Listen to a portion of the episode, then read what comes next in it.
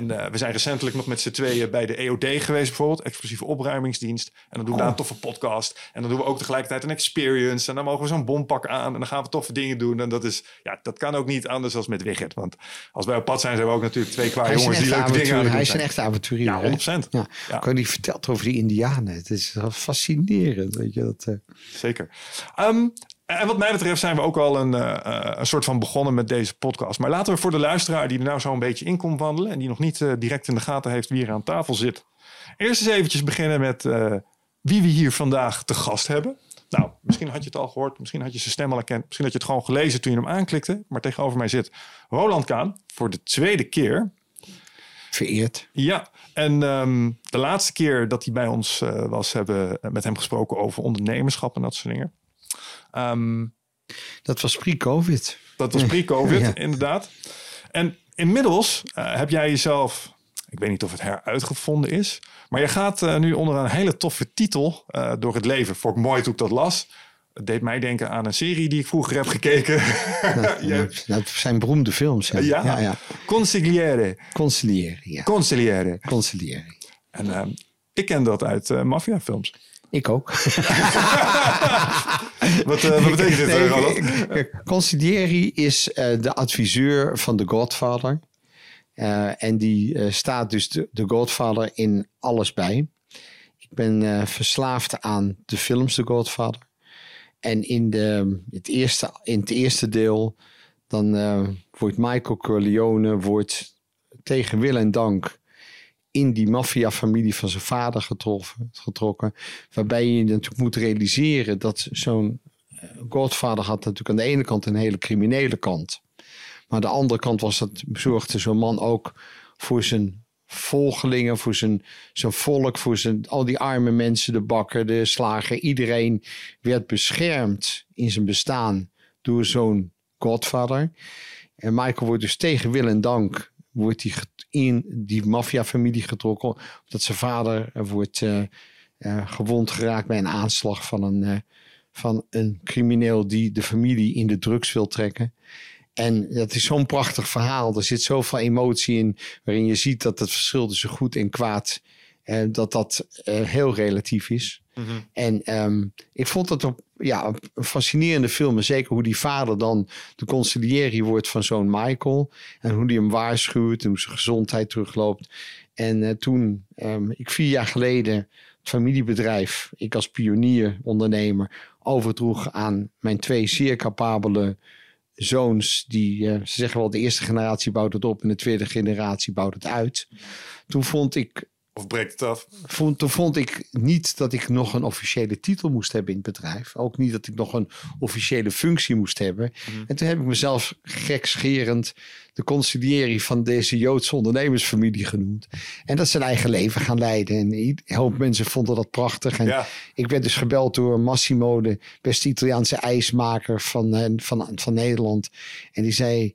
Conciliëri, weet je, in, de- in het op zijn Italiaans. En, je, dus het eigen leven gaan leiden. En ik ben dus nu conciliëri. Ja. En eh, Te gek. ja, erg leuk. Ja, nee, ik kan me levendig voorstellen. Het waren ook echt fantastische films. En ehm, ik herken, ik heb de films misschien te jong gekeken. Ik denk dat ik ze nog een keer opnieuw moet kijken. Ik denk niet dat ik alle finesses... Ik heb ze inmiddels meer dan twintig keer gezien. Alle, alle delen. En eh, de laatste keer met mijn dochter. Mijn dochter heeft eh, aan de New York Film Academy gestudeerd. Heeft de Bachelor's Fine Art Film Direction.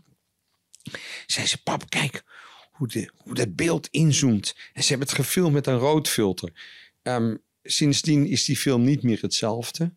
Ik heb nu ook de techniek helemaal onder de, de- Maar ik moet zeggen, ik kijk toch liever zonder al die technische kennis. Gewoon naar de romantiek en de emotie en de passie. En, eh, en, en ook wat ik eh, inderdaad zo mooi aan vind, is al dat oordelen. Wat is goed, wat is kwaad? Wat is, eh, wat is oké, wat is niet oké?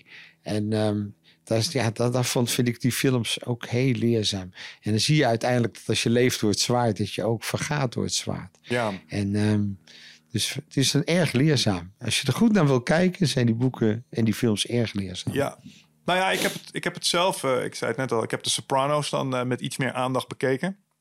Toen was ik ook iets volwassener. Iets dichter bij jouw leeftijd. Ja, ja. En wat je omschrijft daar is daar ook gaande. Dus als je de serie niet kent, je hebt Tony Soprano.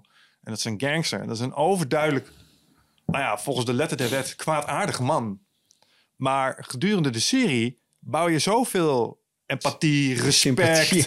Zo af en toe denk je, nou, had misschien nog wel wat ruiger gemogen zelfs. Omdat je kan meegaan in zijn eh, beleving. En dat zijn mensen onder Maar de. Sopranos is wel heel echt. Weet je, dat is, dat is ook dat. Ik kan me voorstellen dat dat ook echt zo is Ja. en was. Ik heb het niet zo lang geleden op de Sopranos gekeken, want wij waren hebben ehm, ehm, twee jaar geleden drie maanden in Amerika gewoond. Eh, want ehm, to- toen ik eh, mijn nieuwe soulmate in het leven ontmoette en wij met elkaar afspraken dat wij eh, met elkaar door het leven wilden gaan. Toen zei zij, ja, ik was helemaal niet van plan op een zoveel oudere man verliefd te worden. En, eh, maar ik heb een kinderwens. En toen dacht ik, ja, ik had mijn leidingen door laten knippen. Vlak nadat ik eh, gescheiden was, kwam natuurlijk een hoop heerlijke vrouwen op me af. Maar niet allemaal met jezelf met de mooiste intenties. En dus het was echt wippen wegwezen. Maar ehm, soms was je net te laat weg. En toen dacht ik, ja, ik zie er toch niet op te wachten dat er iemand langskomt en zegt, Roland, ik heb een verrassing voor je. Mhm. Dus eh, toen heb ik mijn leidingen door laten knippen. En dat was natuurlijk wel even een probleem. Even En- zodat ik hem goed begrijp. Je verdacht sommige van die vrouwen gewoon van golddigging. Nou, niet, daar hoef je dus niet eens voor te verdenken. Daar waren, kwamen ze zelfs openlijk voor uit. Dus eh, een hoop... zo aangelegd. Ja, nou ja.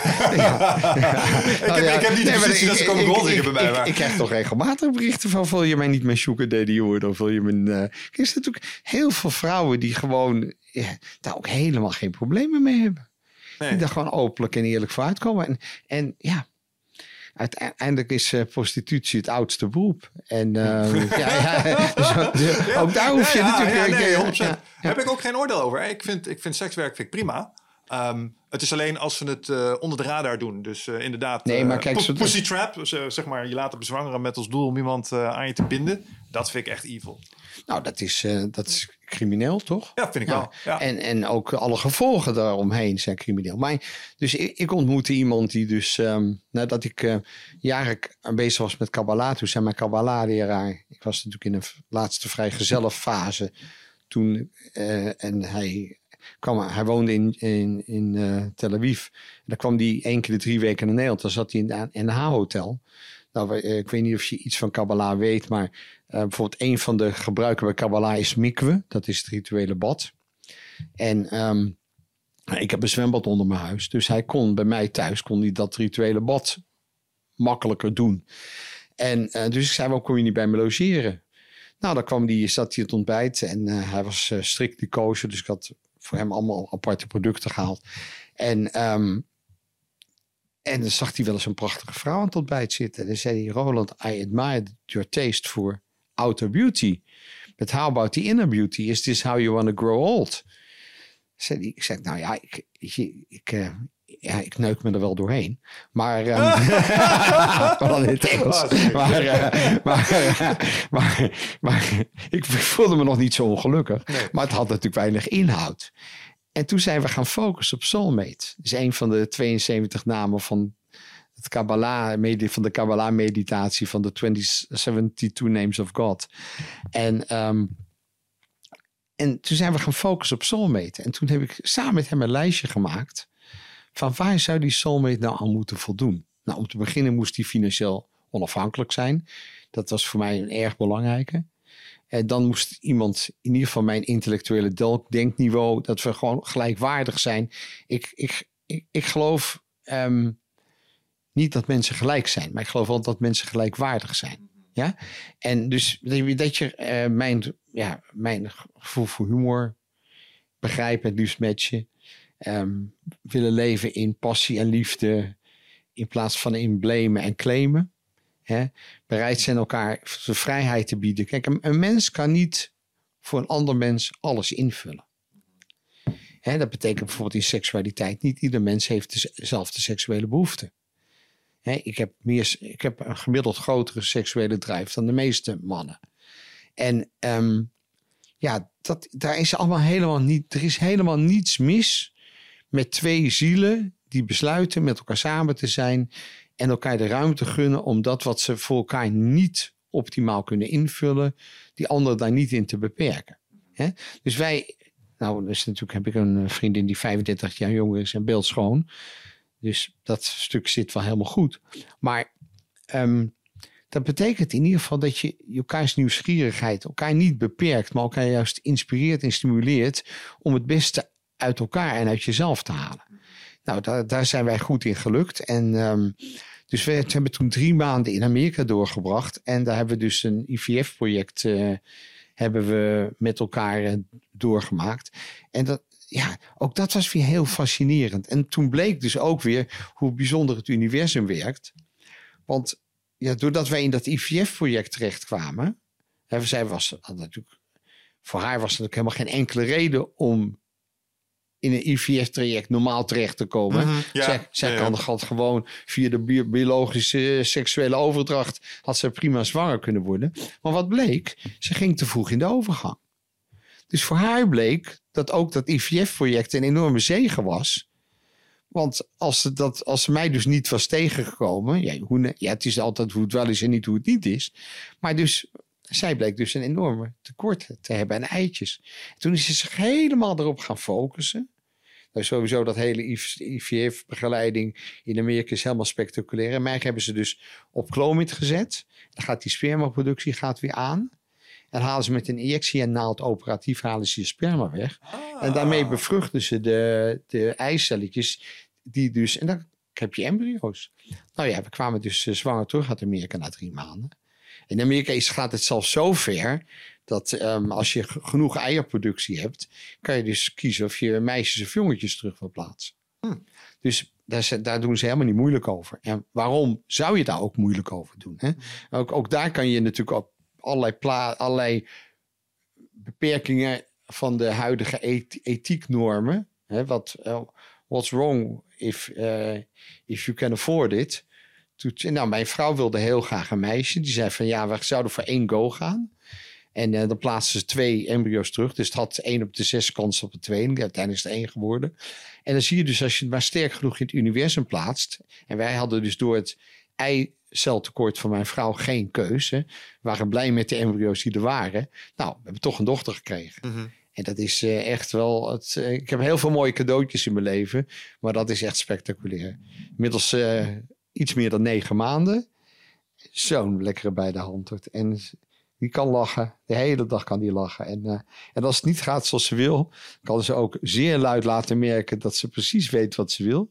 Ja. Met negen maanden. Echt, het is fantastisch wat er in zo'n klein geestje omgaat.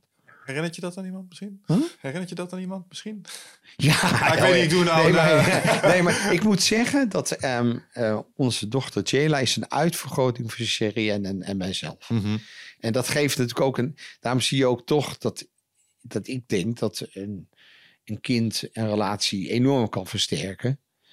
Want het, ja, het haalt natuurlijk het mooiste in elkaar boven. Hè. Het is natuurlijk gewoon toch uh, iets wat je samen uh, op de wereld hebt gezet. En Lekker. wat je ook enorm bindt. En, uh, ja, dus ik ben enorm voor kinderen maken. Mm, ja. Mooi. Um, misschien een hele persoonlijke vraag. Heb je, heb je daarmee ook het gevoel dat je... Ik heb een interview van jou gelezen. En dan zei een van de grootste fouten die ik heb gemaakt. Maar mijn grootste fout was dat ik mijn huwelijk met mijn eerste uh, vrouw heb laten mislukken van mijn eerste kinderen. Uh, en als je dit zo hoort omschrijven, nou ja, daar, daar, zit niets meer van dat in ieder geval in. Denk je, denk je dat dat soort grootste fouten te herstellen zijn op zo'n manier? Nee, nee, dat, um, nee. Kijk, die fout, dat is die fout. Hmm. Ja, dat heb ik niet goed gedaan. Hmm. Dat, dat heb ik niet, is niet het mooiste van mezelf bovengekomen. Maar als je een fout maakt, daar kun je op verschillende manieren mee omgaan. Sommige fouten zijn te herstellen. Maar op het moment dat de relatie en dat we elkaar 35 jaar kenden onherstelbaar beschadigd was. En, um, en, um, en helaas ook geen vriendschap en wederzijds respect uh, meer is. Dat is heel jammer. Mhm. Ja, dat daarop terugkijkend heb ik dat dusdanig verkeerd aangepakt. Dat ik daar spijt van heb. En daar heb ik uh, spijt van naar mijn ex-vrouw, maar ook spijt van naar mijn kinderen. Want daar heb ik niet het beste van mezelf laten zien. En ben, was ik ook niet de beste versie van mezelf. Dat zeggende is het niet zo dat ik dat terug wil. Dat was gewoon een fout. Mhm. En die fout, die heb ik gemaakt. Daar heb ik wat van geleerd. En in de huidige relatie gebruik ik wat ik fout heb gedaan om te voorkomen. Hey eindbaas luisteraar, dankjewel dat je zit te luisteren naar deze podcast. Ik onderbreek hem eventjes voor een hele belangrijke boodschap. Of misschien liever gezegd een uitnodiging. Want op 24, 25 en 26 mei, dan is er weer een nieuwe editie van Ride of Passage. Dat is mijn retreat voor persoonlijke ontwikkeling. En speciaal voor de mensen die op zoek zijn naar, ja, naar, naar helderheid. Of dat ze lastig bij hun gevoel kunnen komen. Dat ze moeilijke beslissingen moeten maken. En dat ze zo ontzettend in hun hoofd zitten. Ja, dat ze er eigenlijk gewoon niet meer goed uitkomen. Of dat ze misschien al heel lang in een, ja, een soort van oud gevoel zitten. Dat ze dat gevoel willen transformeren. Of misschien wil je gewoon een oud stuk achter je laten. Ergens een punt achter zetten. En ja, zoek je misschien heling op iets wat, wat je te lang hebt weggeduwd of, of hebt vermeden. Daarvoor wil ik je uitnodigen op 24, 25 en 26 mei om in een retreat mee te doen waar de inhoud van het programma geheim is. Waar de belofte is dat het oncomfortabel wordt. Want jij begrijpt als geen ander dat als je die volgende stap wilt maken, ja, dan zul je uit de comfortzone moeten komen. En ik garandeer je, laat mij dat proces begeleiden met jou voor drie dagen. En je leven zal daarna nooit meer hetzelfde zijn. Gemiddeld beoordelen de deelnemers het met een 9,2. En daar ben ik ontzettend trots op. Er is ook een money back guarantee. Heb je de drie dagen vol, volbracht en vind je het niks, krijg je gewoon je geld terug. Dus het enige risico wat er is, is dat je gelukkiger kan worden. Ik zie je Bride of Passage. Ga naar wichertmeerman.nl en klik op retreat. Dat ik die fout weer maak. Ja. Hè, dus niet iedere fout is te herstellen. Maar iedere fout is wel een leermoment waarvan je kan zeggen... als ik een herkansing krijg, ga ik het anders doen. Nou, ik heb dus een herkansing gekregen. Ja, maar misschien ook verdiend. Als je, als je praat over dingen als het universum werkt mee, ehm, dan, dan geloof ik dat door je fout. Want wat me altijd opvalt aan jou is dat je, je bent lomp eerlijk op momenten. Hij heeft me in de vorige podcast op momenten ook geïrriteerd. Ga ik het straks nog even met je over hebben. Oh, mijn, mijn, mijn, mijn, mijn dochter noemt mij bruut eerlijk. Ja, dat. Ja. En dat, dat heeft zijn charmes. Maar dat, is, dat, dat drukt ook op emo- emotionele knoppen. Nou, absoluut. Maar, maar wie is daar zelf verantwoordelijk voor? Ja, nee, 100%. Ja. Die verantwoordelijkheid neem ik niet. Kan ik me voorstellen. Je moet je eigen werk doen, zeggen shamanen dan. Maar, Absoluut. ja, maar wat ik mooi vind... Maar het aan- is wel leuk als je op elkaars knoppen drukt, want dan weet je elkaar toch te raken. Ja, nee, het het kan ook zeker eh, zijn zijn waarde en zijn nut hebben. Laten we, dat, laten we dat voorop stellen. Maar je moet je ook realiseren dat enige diplomatie soms de boodschap ook beter laat. Dat heb ik zelf moeten leren, want ik zit ook een beetje in die Ik hoek zit ook nog in dat leerproces. Ja, dat, dat Ik ben daar heel slecht in. was ik al bang voor. Maar ik herken wat je het- zegt, ja. wat het je in staat stelt om te doen, is je, is je fout te ownen. En ik denk dat dat een voorwaarde is om later dan een, een tweede kans te kunnen verdienen. Want als je had gezegd, ah, het lag allemaal aan haar. En het was, eh, hoezo, ik was de beste versie van mezelf. Dan was deze uitkomst er niet uitgekomen. En ik denk dat er een soort check... Nee, maar dan zit je ook in een heel ander soort energie. Want als je, kijk, als, je, als jij in een ontkenningsenergie zit, of je zit in een macho-energie, ja, dan krijg je dus ontkenning en macho gedrag en alles wat daarbij hoort. Maar als je in een leerenergie zit en je denkt, ik heb iets verkeerd gedaan en dat spijt me. En, ehm, maar weet je, het, kijk, ook daar heb ik heel veel reacties op gehad. Mensen die dat oprecht vinden en mensen die het onoprecht vinden. En de mensen die het onoprecht vinden, die zijn zelf onoprecht. Ja, En de mensen die het oprecht vinden, zijn zelf oprecht. Het gaat niet over mij. Weet je, you have three types of worlds and three types of problems. You have your own, you have other people's, and you have the universal problems. So let's stay with our own problems. En dat je elkaar raakt als mens, dat is logisch, want we zijn allemaal met elkaar connected. En dat je ehm, soms tactvoller of respectvoller of empathischer met mensen om kan gaan. Ja, dat is de prijs die ik wel eens bepaald, bepaald betaal. Omdat ik dan vanuit mijn recalcitrantie schoppen tegen alles wat er niet goed gaat in de wereld. ja. En natuurlijk alle pijn van mijn achtergrond. Tweede Wereldoorlogs, eh, tweede generatie. Ja, dan... ehm, kijk, ik heb natuurlijk niet zoveel vertrouwen in de overheid. Want de overheid heeft bewezen dat ze ons verraden en als slacht en als, eh, scha- als, eh, ja, als ja, hoe noem je het? Ieder, iemand moet de schuld krijgen. Nou, Zondebok. Zondebok, ja. Dus uh, wij zijn natuurlijk al, wij zijn de ideale zondebok. Ja. We zijn overal heel klein, we zijn heel opvallend, heel luid. Nou, geef, geef de Joden maar weer de schuld. Ja, weet je, dat, dat, en dat zit zo diep verweven in de cultuur. Hè, ik heb eens een keer met een hele intelligente interviewer van een heel in, intelligent mooi blad. Mhm. zei ik in een, in een grapje in een interview tegen hem, ik zeg het is toch heel duidelijk. Alle pro- problemen in de wereld komen door de Joden en de fietsers. Vooral de fietsers. En toen zei hij, waarom de fietsers? En toen zei ik, hoor je wat je zegt? Hij zegt, ja, waarom de fietsers? En toen zei ik, waarom de Joden? Hij zegt, ik schaam me.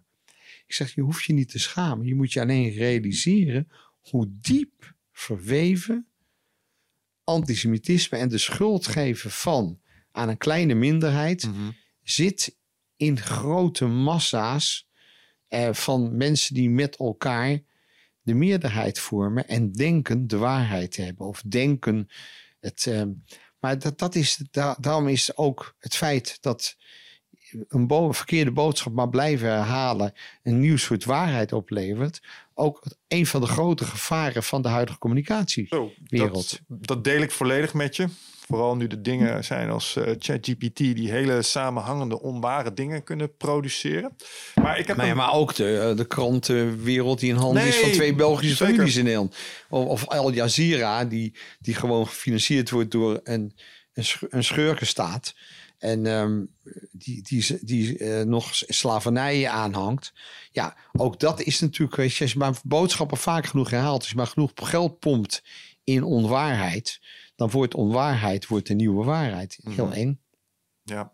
Heel Nee, eng. dat, dat is 100% eng. En het eh, maakt ehm, dat wat het toe doet diffuus. Kijk, het is heel duidelijk dat het van sommige, zullen we het eens noemen, stromingen een strategie is om zoveel mogelijk onduidelijkheid te creëren. Maar zoveel mogelijk dingen te roepen. eh, zodat je eh, de gevestigde orde wordt dermate vaag dat je ineens ruimte kunt maken voor je eigen waarheid. Maar ja, dat is wat propagandisten Ja, nee, 100%. en actievoerders Nee. natuurlijk altijd doen. Zeker. En natuurlijk de waarheid eh, verdraaien naar hun eigen wereldbeeld. ja. En dan is de vraag, wat is waarheid? Hè? Ook dat is natuurlijk een hele relatieve. Misschien kunnen we daar eh, straks de podcast mee eindigen. Ik denk, dat ik misschien een antwoord heb. Ik wil het ook nog even straks met je hebben over wat het betekent om Jood te zijn. Omdat we daar de laatste keer ook best wel eh, op ingingen. En nu ook weer. Het is, eh, er zit een bepaalde energie achter bij jou als je het daarover hebt. Ja, dat, eh, dat eh, gaat natuurlijk heel diep. Ja, nou, maar daar, daar wil ik eens met je over praten. Ehm, maar laten we eerst even de... Nou, ik wil het niet verplichte kost noemen, want ik vind het ook ontzettend interessant. Eh, maar laten we even een, een aantal dingen die ik niet zou willen eh, laten liggen... om met je te bespreken, omdat ik zelf ook ondernemer ben. Ehm, en vooral op zoek ben naar je brute eerlijkheid op eh, sommige onderdelen. Ehm, wil ik even beginnen met een, eh, met een quote. Ik gaf je daar straks een kopie van mijn boek, omdat ik daar iets in heb opgeschreven... wat ik eens even wil toetsen bij jou. Ehm, ik, ik schrijf zoiets als... Get your shit together. Ja, Wat een prachtige titel. in, in de context van doelen stellen, zeg ik daar iets als: hé hey man, de meeste mensen zouden miljonair willen worden, totdat het tijd wordt om de dingen te doen die miljonairs moeten doen. En dat heeft een hele sterke filterende werking. Met andere woorden, het is niet. Natuurlijk wil iedereen miljonair worden, maar de weg die je moet bewandelen om zoveel centjes daadwerkelijk vrij te spelen uit dit spel, is eh, bijzonder pittig, is wat ik daar probeer te zeggen. Dus vraag je af of dat is wat je wil, want dat vraagt wel offers. En jij bent natuurlijk quote 500, dus jij bent multimiljonair. En ik vraag me af, wat vind je van dat statement? Ja, dat, dat, dat is eh, natuurlijk eh, spot on. Ehm, kijk, ik- ik, ik denk dat succes hebben wordt in deze westerse wereld vaak geassocieerd met veel geld. Dat is op zich juist, maar ook op zich onjuist. Ik ken wetenschappers die de wereld aan enorme vooruitgang geholpen hebben. En zo'n wetenschapper, een topprofessor bijvoorbeeld op oncologie, die man is inmiddels 80, die vertelde mij: ik verdiende 150.000 gulden als professor in de oncologie. En toen ik met pensioen was, kreeg ik 500.000 euro om wat medicijnfabrikanten te adviseren. Dus toen ik eenmaal uit de wetenschap was en in het ondernemer, in de ondernemerswereld, al nog steeds als adviseur, hè, ja, verdiende ik ja, acht keer zoveel. Weliswaar in een andere tijdssegment, hè. Maar, ehm, maar hij, ja, hij ging dus van 150.000 euro naar 500.000 euro. Dus wel 3,5 keer zoveel. En met veel minder doen. Want hij was natuurlijk dag en nacht bezig als onderzoeker, behandelaar in die oncologiewereld. En nu eh, deed hij onderzoek naar resultaten om medicijnfabrikanten te helpen om met wetenschap een heleboel centjes te verdienen. Ja. Dus is hij nu gelukkiger of succesvoller? Nee. Hij was als wetenschapper, eh, als professor ongelooflijk succesvol. Alleen hij heeft besloten dat hij niet mee wil werken aan de maffia van leeftijd en de discriminatie van leeftijd. Hoe de fuck vertelt ons dat iemand die hartstikke succesvol is, hartstikke nieuwsgierig, gewoon met zijn 67ste nu moet stoppen?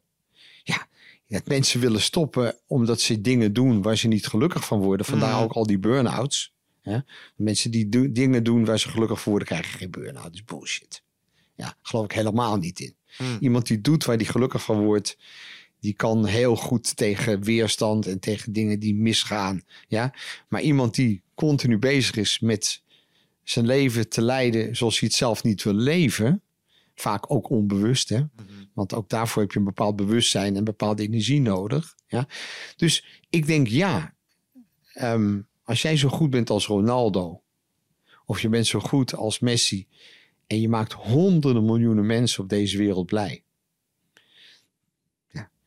Als je honderden miljoenen mensen blij maakt en die mensen zijn allemaal bereid één eurotje te betalen per jaar om blij te zijn met wat jij doet, verdienen die mensen nog maar een fractie van wat ze werkelijk waard zijn. Hmm. Ja? Dus ik geloof dat mensen uiteindelijk krijgen waar ze recht op hebben. Hè? Als jij eh, eh, besluit om je hele leven slachtoffer te zijn, moet je niet zeiken. Moet je gewoon niet zeiken. Dan ben je gewoon een eikel, weet je. Ja, ja. En, en, en, en ik vind sowieso dat we op dit moment wel in een echte slachtoffercultuur leven. En dat doet me denken aan die prachtige uitspraak van Tony Robbins. Voor de luisteraars die niet zouden weten wie Tony Robbins is, kan me haast niet voorstellen. Maar dat is een hele commerciële geworden guru in Amerika die op hele grote schaal mensen helpt om zichzelf te helpen. En dat doet hij heel commercieel, maar ook eh, prachtige boodschappen stuurt hij in het leven. En die heeft de, pracht, de volgende prachtige uitspraak gedaan, die ik de laatste tijd heel vaak herhaal. Zegt, good times make weak people. Weak people make bad times. Bad times make strong people. Strong people make good times. En zonder hier een hele politieke discussie te houden. Ik heb zelden zoveel onvermogen, destructie, zinloos geld uitgeven gezien bij zoveel onprofessionele politici die vervolgens ook nog denken dat de burger dom is en het gezonde boerenverstand ehm, eh, niet mag winnen. Hmm. Maar we hebben een verrassing voor ze. Ze worden weggevaagd. Al die corrupte CDA, VVD, P van de A, C, eh, CU-eikels zijn allemaal corrupt. Alleen begrijpen ze niet dat corruptie niet alleen maar geld is in eigen zakken steken, maar niet doen wat het volk wil, terwijl je ingehuurd bent om de wil van het volk uit te voeren. Dat is voor mij de ultieme vorm van corruptie. Ja, dat denk ik ook. En ik moet zeggen dat ik vooral in de laatste twee jaar daar veel kritischer in ben geworden.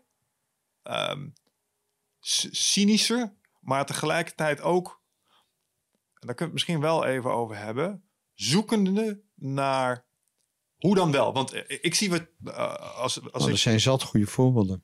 ja, want ik zie ook incompetentie. Ik zie ook eh, keuzes die niet rijmen met gezond boerenverstand. Zoals ik tegen de je- wereld aankijk. Maar je, maar je ziet, het, de, eh, de wal is het schip al aan het keren. Want nu hebben we een mevrouw die trouwens een hele intelligente journaliste was. Hè. Wordt eventjes, eh, eh, ze wordt even weggezet als een domme boerentrien. Maar eh, Lientje van BBB is een hele bloedintelligente, keihard werkende vrouw. Mhm. ja, die door ongelooflijk veel goede mensen wordt bijgestaan. En laten we wel hebben, de meeste boeren zijn hele goede ondernemers. Die tegen, tegen een enorme eh, bureaucratische druk van middelmaat en bekrompenheid moeten vechten. En de, een, van de, een van de meest wel functionerende industrieën worden hier in Nederland met de, met de kloten gelijk gemaakt. Nou, dat doen ze in Duitsland niet hoor. Want dan gaan ze rustig bruinkool afgraven als ze te weinig energie hebben voor een industrie. En weet je, wij, wij, wij leven in een soort utopische eh, een bubbel van goed bedoelende dorpsgekken. Ja, die, mensen, ja, die mensen dwingen ja, hun welvaart op te geven en daar helemaal niets voor terugkrijgen. Hmm. Want als eh, China te drie, eh, in drie weken doorgaat met, die, met het nieuwe openen van al die kolencentrales, wat ze gewoon doen, ja, dan is na één week 32 miljard energie van de Nederlandse bevolking weggepist. Dus ik geloof dat wereldproblemen moeten op wereldschaal opgelost worden. En dat wil niet zeggen dat wij als Nederland geen voordeel oordeel of voorbeeldfunctie kunnen hebben. Maar dat mag natuurlijk niet ten koste gaan van, eh, van, van de armoede. Het, het is gewoon compleet asociaal. Weet je, als jij niet schatrijk bent, kan je niet parkeren in Amsterdam. Dus eigenlijk, eigenlijk hebben we nog nooit zo'n asociaal beleid gehad door zoveel socialisten. Maar ja, socialisten blinken ook uit in communisme en in dus dictatoriaal gedrag. Oké, je zegt een heleboel dingen waar ik op een heleboel punten ook wel iets genuanceerdere dingen van vind. Ja, maar ik probeer steeds minder genuanceerd Ja, te ik zijn. ook, ik ook, Om, want- om, om, ehm, ik geloof dat nu- nuance wel eens ehm, leidt tot beperking. En wat ik dus zo mooi vind van de BBB-beweging, waar ik inmiddels een steeds grotere fan van word, is dat die wel genuanceerd zijn. Die wel zeggen, jongens, luister eens. Als wij eh, vinden dat we asielzoekers moeten spreiden, wat trouwens ook een complete industrie is geworden. Ja. De mensen die het nodig hebben, die komen hier al lang niet meer. Dus wat dat betreft is het zogenaamde christelijke... oh, wat zijn wij good mensen... eh eh, één grote bullshit. Het is Mhm. één grote corrupte industrie.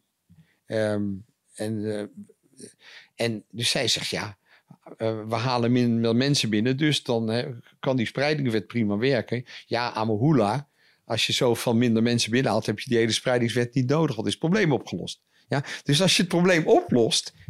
Maar wat zijn we aan het doen? We zijn een heleboel problemen niet aan het oplossen... en nieuwe problemen aan het creëren. Mhm. En dat, is, dat, dat doet middelmaat, dat doet bureaucratie, dat doet eh, incompetentie. Incompetentie lost niks op. Maar creëert nieuwe problemen.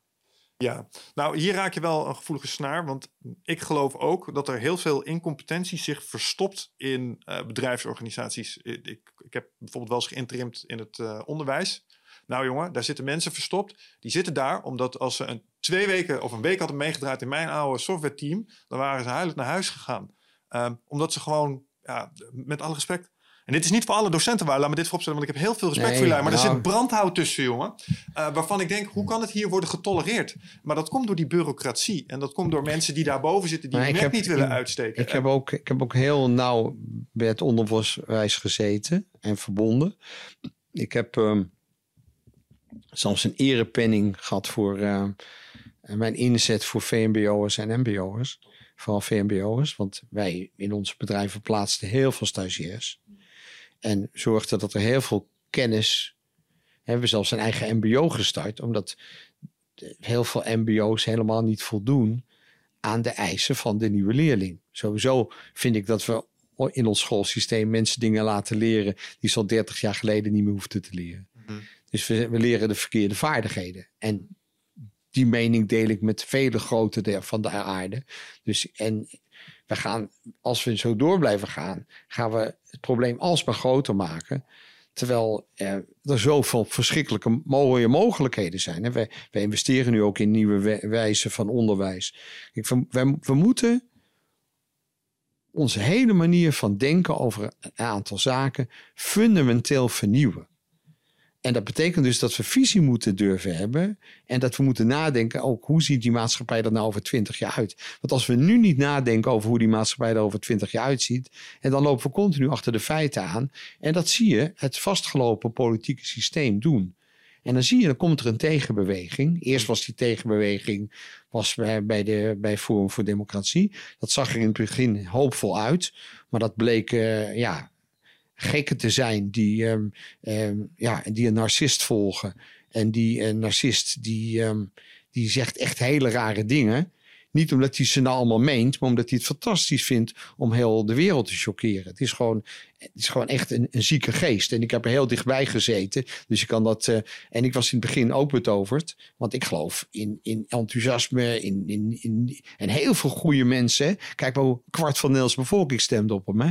Weet je? Dus ik ben een van de velen die die fout in ging. Alleen, ik kwam er heel, heel snel achter dat het een hele foute man was. En met mij heel, heel veel. Dus dan blijven drie tot vijf zetels over voor dit soort trekken. Want die vinden altijd wel weer followers. Ja? Maar je ziet nu in die, in die politieke beweging, hè, CDA nog vijf zetels. Nou, wat wil je met mensen als Hoekstra en, en, en, en de jongen?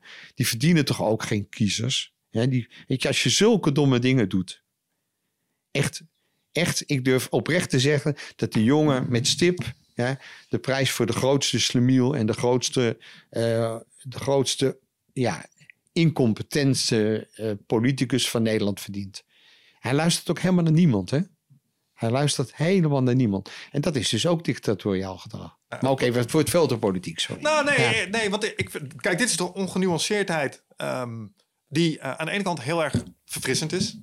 Um, aan de andere kant, uh, je, je, merkt, hè, daar hadden we het er straks over, als je dingen op een bepaalde mate heel stellig brengt, dan, dan kan dat sommige mensen ook tegen je in het schild jagen. En dan gaan ze de, de co-op-modus uit. En dat is wat we in Nederland altijd doen. Dan gaan we polderen en nuances zoeken. Maar ik geloof dat op sommige onderdelen die tijd ook voorbij is. Maar het grootste probleem wat ik zie is dat er um, korte termijn denken steeds. Kijk, het is die vier jaar. En dan, en, eh, of de volgende verkiezingen. En wat, wat, wat jij zegt inderdaad, er moet een, visie zijn die langer is, wat mij betreft, als 20 jaar. Uh, maar bijvoorbeeld eh, zelfs misschien wel 50 of 100 jaar. Omdat Kijk, en dat is ook afhankelijk waar je op sommige heel cruciale thema's landt.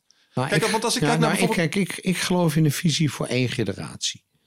En want ik geloof niet dat je over je graf mag heen regeren. Dus wij horen, wij horen als onze generatie een mooi toekomstbeeld te schetsen voor de volgende generatie. En daarbij vind ik dat je twee dingen moet doen. Je moet een lange termijn as uitzetten. En die moet je vervolgens in twintig stukjes hakken. En dan moet je van kijken, wat kan ik de komende drie jaar heel serieus bereiken. En dat gebeurt dus nu niet bij de overheid. Want de, die boel is zo vastgelopen. Dat voordat alle commissies en iedereen daar een plasje overheen heeft gedaan, ja, ja, moet die toilet vier jaar gevuld worden. Dus we zijn helemaal niet meer in staat tot enige vorm van alertheid of flexibiliteit. Mm. En, en dus zul je het systeem van binnenuit moeten veranderen. En dat kan alleen maar door de burger en door de kiezer. Ja. En dat zie je nu ook gebeuren. Hè. Die omzicht um, is ook niet een, een, een, uh, een god. En is ook niet iemand zonder zonde. Maar heeft in ieder geval een gezonde visie op het invullen van zijn taak als volksvertegenwoordiger. En, en je ziet dus dat omzicht samen met, uh, met BBB tussen de 50 en de 60 zetels zouden krijgen. En als dat dus gebeurt, ja, dan is het, wordt de hele gevestigde orde in één keer buiten gezet. En dat zou een hele goede zaak zijn. Ja, ja want, uh, want of het dan nou van links of van rechts komt, het is allemaal precies hetzelfde. Ja, oké. Ik, ik, wil graag twee dingen even tegen je aanhouden. De eerste is, je zegt niet over je graf heen regeren. Fik, fik, wijs, wijsheid in zitten, omdat omstandigheden veranderen snel. Kijk naar wat er in, in vijf tot tien jaar kan gebeuren. En, en, je kan nu niet voorspellen wat dat is, dus daar geen beleid op maken. Maar aan de andere kant zijn er ook dingen, zoals bijvoorbeeld klimaatsverandering.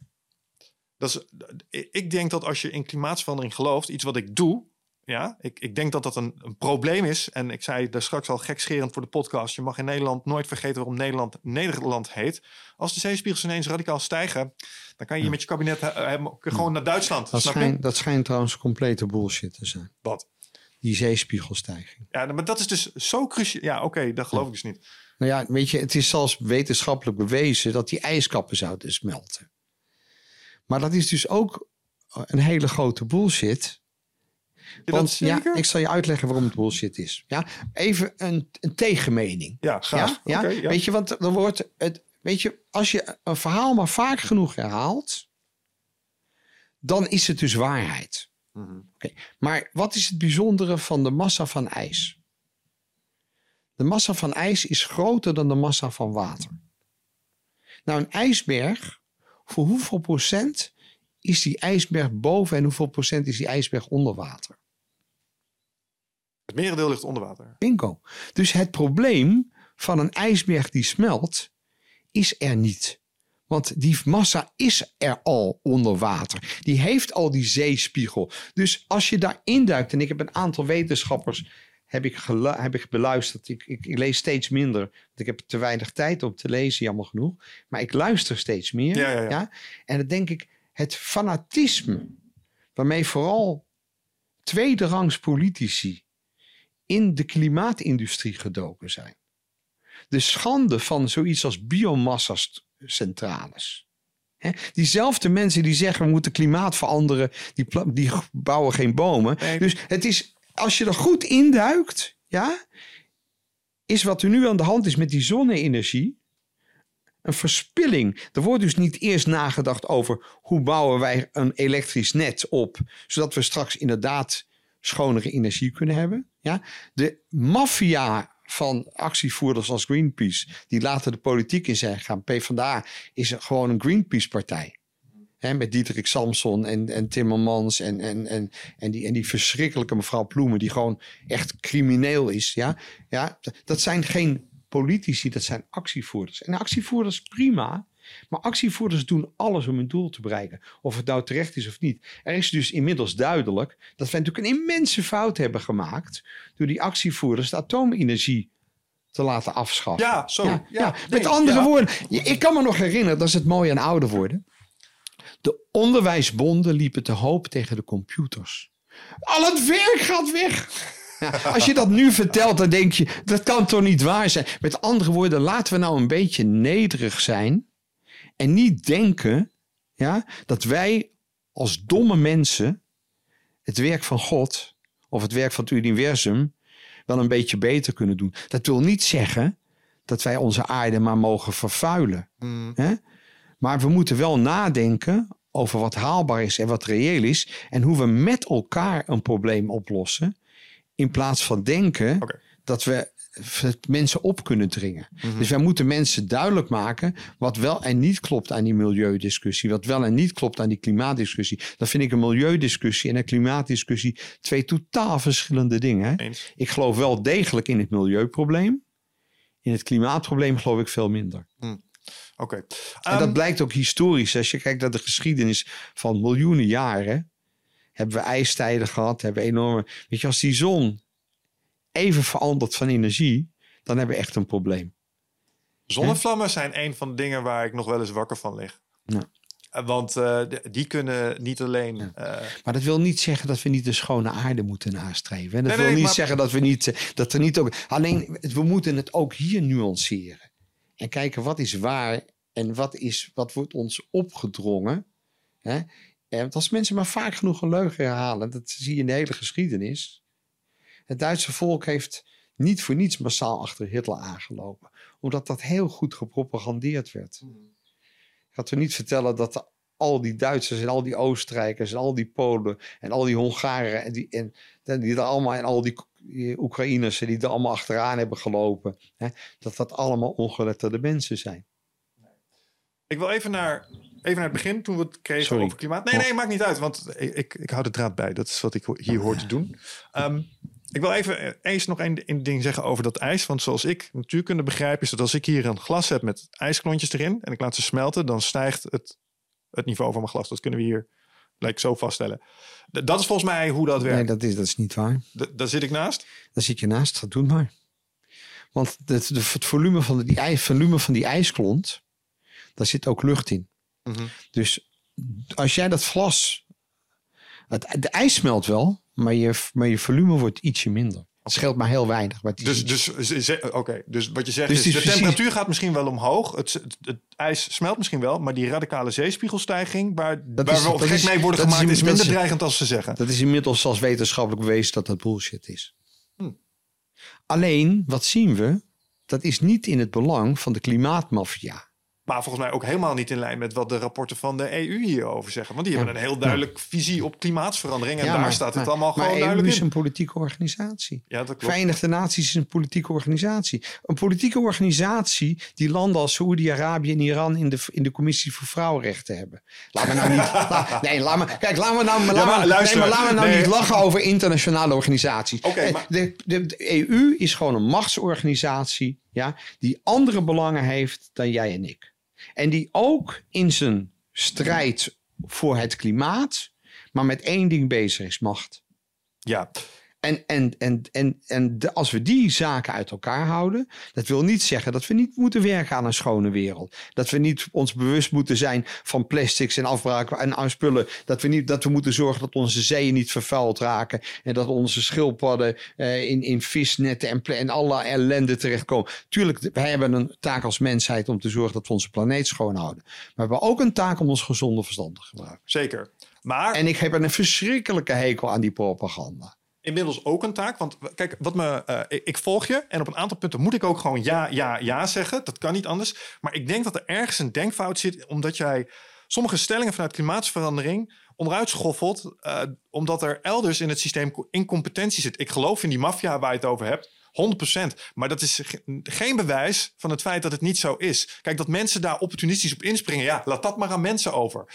Dus daar zit een beetje eh, het Nee, maar- dilemma nee, maar- hier in nee, dit stukje kijk, van de het- discussie. Het, het is natuurlijk heel duidelijk ja, dat als je eh, je aarde vervuilt, als je je lucht vervuilt, dat dat allerlei bijeffecten heeft. Ja? En daar, daar discussieert niemand over. Ja? Alleen de, de manier om het op te lossen. Ja? Waarom worden hier nou geen bomen geplant? Dat je leert als kind op de eerste biologieles dat CO2 wordt opgenomen door bomen en dan komt zuurstof. Zie jij die Timmermans iets roepen over bomen planten? Nee, hij roept iets over bomen verbranden. Ja, dat snap ik ook niet. Met, met, nee, dat snap je niet. Dat is heel helder, omdat wat jij denkt dat hij wil, iets heel anders is dan wat hij wil. Ja. En, en ik geloof niet in een georganiseerde wereld met WEF-complotten en, en COVID-complotten en zo. Weet je, en ik geloof ook niet dat, eh, dat krijgen de Joden ook weer de schuld, die beheersen al het geld in de wereld. Nou, alsof er één Japanse bankier is die Joods is, of één Chinese bankier is die Joods is, of één Indonesisch, of dat er in een wereld met twee, haast 2 miljard eh, ehm, eh, moslims, die een heel groot deel van de wereld grondstoffen beheren. Mm. Ja? Als, als, alsof die. eh, dus al die rare complotten van al die verschrikkelijke domme mensen. die zeggen dat ze dingen hebben uitgezocht. en die nog niet eens één boek gelezen hebben in hun leven. Hè? Kijk, de, de domheid. Ja, de, maar het gevaar zijn niet die domme mensen. Het gevaar zijn de intelligente mensen. die die domme mensen manipuleren voor hun eigen doelen. Ja. En daar zit ook een deel van die klimaatdiscussie in. Ja, ja, ik die wordt op een verschrikkelijke manier gemanipuleerd. Dat geloof ik. Ja, en en, en zo'n zo'n zo'n Al Gore is gewoon een crimineel. Ja, dat is gewoon een, een politieke crimineel die het niet gered heeft om president te worden. Dus wordt hij maar de goeroe van het klimaat. Gesteund door hele grote industriëlen die daar een fantastisch verdienmodel in vinden. En, en, en dat is ook weer geen complot, hè? begrijp me niet verkeerd. Alleen, mensen laten zich heel makkelijk meeslepen tegen atoomcentrales. Nu weer tegen, eh, Ja, tegen, tegen CO2. Ja, laten we de boeren maar slachten. Ja, nou heel eerlijk, mevrouw Kaag komt uit de meest corrupte organisatie ter wereld, de UN. Die gaat ons geen zegen brengen. Duidelijk. Ik, ik wil... ehm, En meneer Jette, die heb ik zien afgaan in het parlement met zijn 0,0000. Weet je, zo los je het probleem niet op. nee. Maar waar ik dus al voor, een tijd zover, over... voor zover dit echt het probleem is dat we moeten oplossen. Ja. Nou ja, ik ga er toch Maar- even op doordrukken nu. Ja. Ehm, want ik, ben dan wel benieuwd naar... Want je zegt al, hè, dit is een probleem dat moet globaal worden opgelost. En dan heb je het over dingen... eh, Dan kom ik al snel uit bij dingen als de... Als je het globaal zou willen doen... Geen 7, geen 9. UN. Maar die zijn, Ja. al, maar die zijn allemaal zo gepolitiseerd. Kijk, moet je je voorstellen in de UN. worden een heleboel van die ambtenaren... die krijgen allemaal prachtige baantjes... Ja. dankzij het feit dat er 80 moslimlanden zijn. Niks tegen moslims, hè? begrijp me niet Mhm. verkeerd. Maar die moslims hebben natuurlijk helemaal geen belang bij... eh, die willen voorlopig olie uit de grond pompen. ja, correct. Ja, Ja. Dus, Ja, dus er zijn andere belangen ja, die het helaas onmogelijk maken. Hè? Sport zou geen politiek verhaal mogen zijn. Nee. Wat heeft Qatar gedaan? Die hebben gewoon de hele wereld op zijn kop gezet. En het hele, het hele systeem van de competities moest in de, in de winter opgegaan. En die hebben gewoon een aantal mensen omgekocht. En dat is al. En dat weet iedereen. Hmm. Ja? Maar we zwijgen allemaal. ja. En we doen er allemaal aan mee. Want we gaan allemaal naar die wedstrijdjes kijken. En hoe lossen we dat op? En dan niet de, de, de, zeg maar de Olympische Spelen, maar hoe Nou, omzeilen we de je- corruptie die inherent is in elk mens die in een machtspositie komt? Hoe doen we dat? Nou, dat, dat ben ik het met je oneens. Er zijn ook nog de mensen zoals Mahatma Gandhi. Die echt vanuit mooie menselijkheid. Dus er zijn leiders die wel degelijk echt hun taak zien. Hè? De Jezus Christus van deze wereld. Ja? Ze zijn alleen zo zeldzaam, man. Ze zijn hartstikke zeldzaam, maar daarom zijn ze. Nee, kijk, het is ook hartstikke moeilijk in een wereld ja, waarin natuurlijk heel veel mensen boven zichzelf uitstijgen. Want er is natuurlijk geen politicus die zelfs enig idee heeft hoe die geld moet verdienen. Maar het vervelende is, ze weten inmiddels ook niet hoe ze geld moeten uitgeven. Maar we laten, dus mensen, we laten dus mensen over het grootste deel 320 miljard aan belasting halen we op. Hmm. Nou, zelfs, zelfs de officiële instanties waarschuwen hoe slecht wij ons met ons geld opgaan. Ja. Als jij als ondernemer je zou administreren zoals ministeries administreren, zou je de gevangenis ingaan. Ja. Ja. Maar, maar de, de burger en ook de pers is daar helemaal niet mee bezig. Af en toe lees je eens wat. Nou, dan gaan we weer over tot de orde van dag. En daar discussiëren we over de meest domme dingen. Ja, maar dat vind ik dus het mooie aan wat jij daar straks ook zei. Kijk, jij zei, ik lees me in de boeken, ik luister meer. Ehm, als ik naar nu.nl kijk, of eh, zo af en toe als ik de, de andere kant even wil horen naar geenstijl.nl. ehm dat is duidelijk. Dat zijn mensen die, dat zijn ondernemers. En eh, die eh, produceren nieuws met een bepaald doel. Maar mede door de opkomst van de podcast kan ik wel... De, kijk, dit soort gesprekken worden beluisterd, hè? Door best wel Ja, veel En mensen. hopelijk goed beluisterd. En dat zetten ze aan Ja. het denken. En, ehm, Mijn best beluisterde podcast zit nu over de 100.000. Dus Gefeliciteerd. Ja, dankjewel. Dat is leuk, ja. Voelt goed, hè? Ja, ja, ja, ja. Ja. Ja. Maar ehm, kijk, ik heb hier in de, eh, in de podcast ehm, vaker over dit soort dingen gesproken. En een, een van de dingen die ik toch altijd wel ook probeer te doen... is op een constructieve manier te kijken naar de toekomst. Maar hoe dan wel? Kijk, dat het allemaal... eh, dat dit achterlijk is en geen gezond boegverstand... zijn we het 100% over eens. Maar het, ga- het gaat opgelost worden. Ja, dat zei je al. Het wordt weggevaagd, zei je. Vanuit het, eh, zeg maar, gewoon het stemproces dus.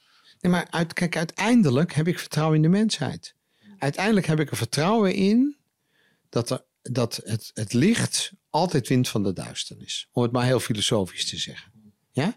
En als je ook kijkt naar alle filosofieën, dan gaat het allemaal over licht. Dan gaat het allemaal over dat we met elkaar een klein beetje licht op deze wereld willen laten schijnen.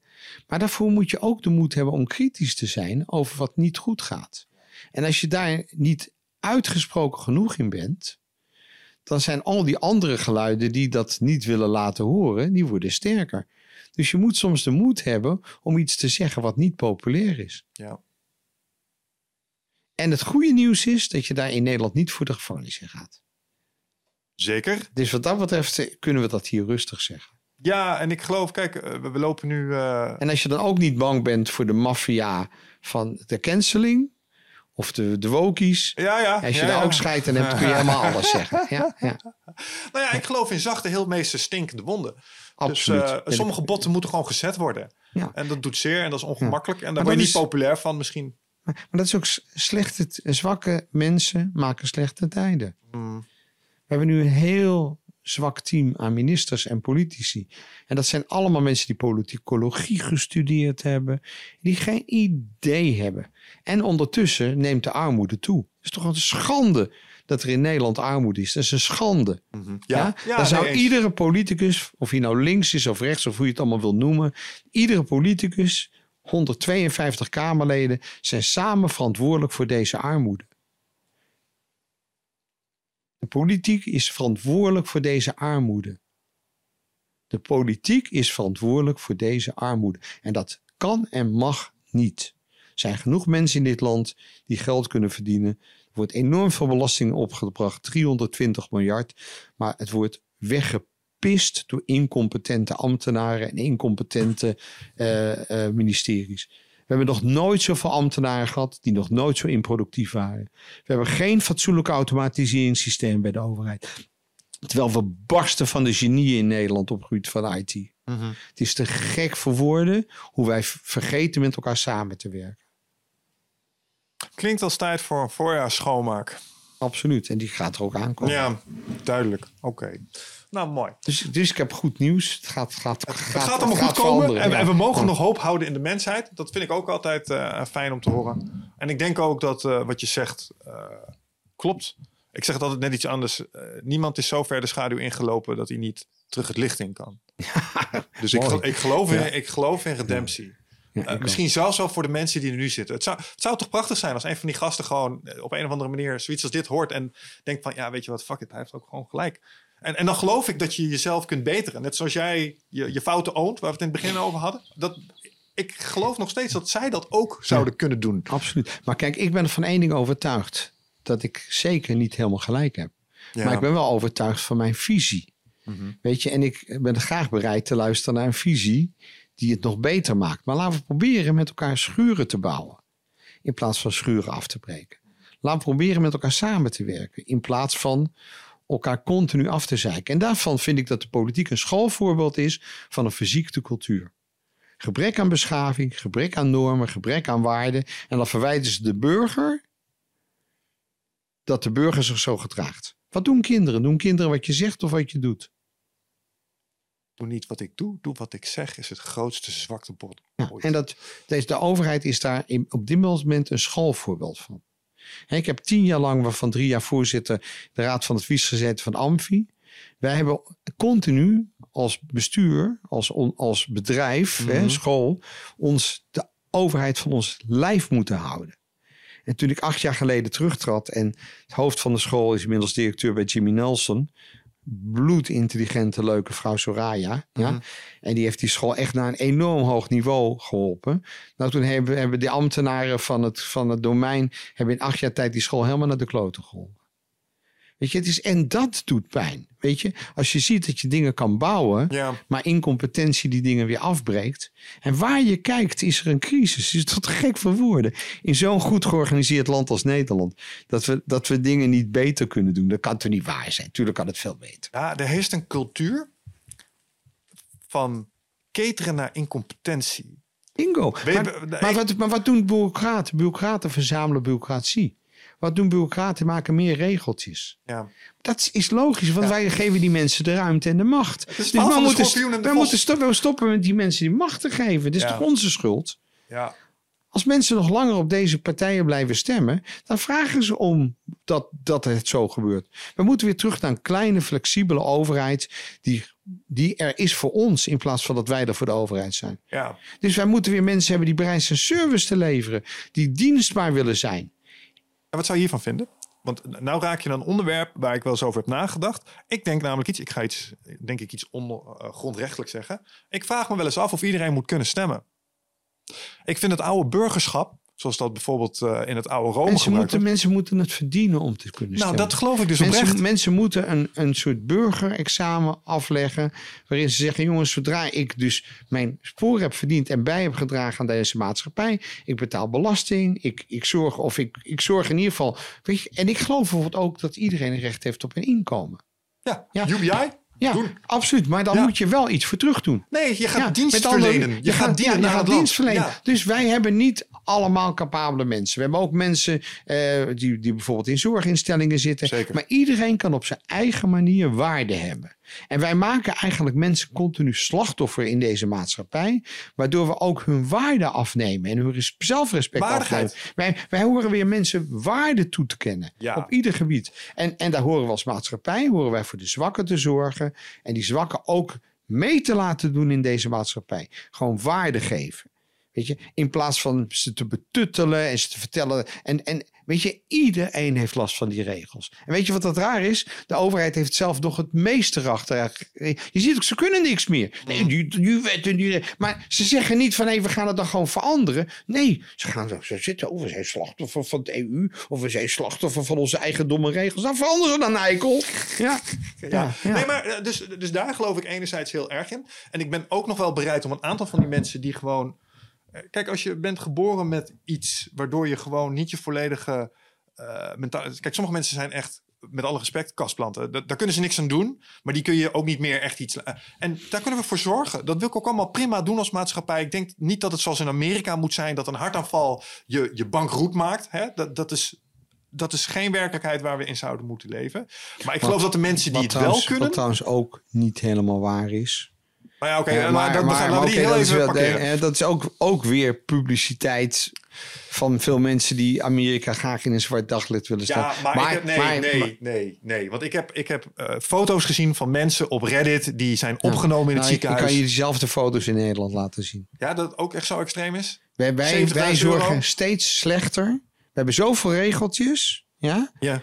Ja? Mensen worden gewoon van het ene ziekenhuis naar het andere ziekenhuis gestuurd. Of ze worden helemaal niet meer behandeld. Ja? Dus, is waar. Dus, dus, dus het is, laten we nou eerst ons probleem oplossen in Nederland. Want dit is wel een probleem wat wij hier in ons Mhm. Ja, ja, land oké. In plaats van Amerika te wijzen, ja, heeft helemaal geen enkel nut. Ja? Maar sterker nog, wij hadden hier niet in vrij Nederland gezeten zonder Amerika. Dus ik, ik, ben- ik ben een van de laatste America bashers. Er is eh, twee derde van de wereldbevolking leeft niet in democratie. We hebben het over de afschaffing van de slavernij. In Azië leven een heleboel mensen in slavernij. Voetbalstadions in Qatar zijn gebouwd door slaven. Ja, ja. Dus laten we, laten we, er is nog zoveel op te lossen ja, op wereldniveau. Maar laten we nou eerst eens even onze issues in Nederland oplossen. En zorgen dat wij een sterk Nederland zijn. Dan kunnen we, als we sterk zijn zelf, kunnen we ook sterk zijn voor anderen. Allereerst, ik vind Amerika een geweldig land. Laten we dat vooropstellen. Ten tweede, ehm, het, wat ik, het punt wat ik probeerde te maken is dat we best wel eh, in, Nederland eh, een deel van de zorgstaat intact kunnen laten. Dus het hoeft niet volledig meritocratisch te zijn. Nee, wat mij absoluut betreft. niet. Ik, ik vind juist een taak om de zorgstaat. Alleen, je moet mensen in de zorgstaat niet bureaucratiseren en slachtoffer maken. En ze niet betuttelen. Je moet mensen ook in een zorgstaat zelfrespect en, en, Zeker. en waarde meegeven. En dat betekent dus een andere approach. Ja, Hè? En, en, en, en, dat, en, en ik ben ervan overtuigd. Ik ben ervan overtuigd dat 95% van de ambtenaren het anders zouden willen. ja. Daar ben ik van overtuigd. Dus ik denk dat die ambtenaren die moeten niet de schuld hebben. Dat is de uitvoerende macht. We moeten de machthebbers die moeten we wisselen. Want die hebben een verkeerde visie op deze, op onze maatschappij. Maar wat nou als we die macht is op een andere manier. Kijk, waarom hebben we eh, mensen die in de Tweede Kamer zitten? Omdat zij een vertegenwoordiging zijn van ons. Terug naar dat burgerschap. Terug naar zelf als burger verantwoordelijkheid nemen. Want alleen maar kankeren op de overheid is ook eigenlijk ook slachtoffertjes spelen. Ik heb wel zitten nadenken. Nou, niet, niet als je alternatieven aanbiedt. Nou, dat, maar ik wil het over dat alternatief hebben. Want ik vraag me af wat jij hiervan vindt. Wat nou als we iets als. eh, we hebben het internet tegenwoordig. E-government zouden installeren. Waarbij je gewoon als burger, iemand met burgerstatus. Eh, ook een soort van verplicht bent om mee te besluiten over regionale dingen. Dus je, als je loopt te zeuren over. Hey, waar gaat het geld naar de domme potjes? Misschien moeten we met z'n allen dan ook maar de moeite nemen. Nou om ons te gaan verdiepen in waar dat heen Het, gaat. het begint al bij stap 1. De verhuftering van de maatschappij is voor een heel groot deel ontstaan door de anonimisering en de misbruik, het misbruik van de privatisering en de privacy van de bevolking. Hm. Met andere woorden, iedereen kan met de meest bizarre namen en profielen Ja, op social media. ja. Ja, dat leidt tot een enorme vervuiling. Als iemand die YouTube-comment heeft. Ik heb een YouTube-kanaal. 100% met je eens. Ja, Met an- met- eikels. Met, met Ja. andere woorden, wij moeten overal voor geregistreerd zijn. Dus niemand kan meer op social media zonder een registratie. En ik denk dus dat mensen punten moeten verzamelen voordat ze mogen stemmen. Mensen moeten een bijdrage leveren aan het algemeen welzijn als ze over het algemeen welzijn willen bijdragen. Ja, en dat betekent ook dat er in dit land ruimte moet zijn voor arbeidsmigratie. Dat er mensen moeten komen die die jobs die wij niet meer kunnen invullen of niet meer willen invullen, wel voor ons invullen. En sowieso denk ik dat we eh, de maatschappij veel meer moeten automatiseren en een heleboel dingen niet meer zelf hoeven te doen. Weet je, we moeten IT en, en artificial intelligence, want weet je, nu is artificial intelligence een enorme bedreiging, net zoals de computer in de tijd dat ik uh, 16 was. Ja, het is allemaal bullshit. Nee, alles moet je intelligent gebruiken. Ja? En vooruitgang mag je nooit, nooit in de weg staan. Nooit. Alleen, je moet het reguleren. En je moet zorgen dat de omstandigheden gecreëerd worden waarin dat op een gezonde en, en, en productieve manier benut wordt. Ik wil toch even zeggen, ik ben het op zoveel dingen niet met je eens. Maar ik vind het zo geweldig hoe mentaal lenig jij nog bent. Je zei, ik heb jou horen zeggen, 70 is het nieuw 50. Nou, je getuigt hier echt van. Want dit is de houding die, Nee, maar die kijk, ik, geloof, ik geloof in lang leven, maar niet in oud worden. Dat is Oud, worden is een state of mind. Mijn vader was al oud met 35 in zijn pakkie.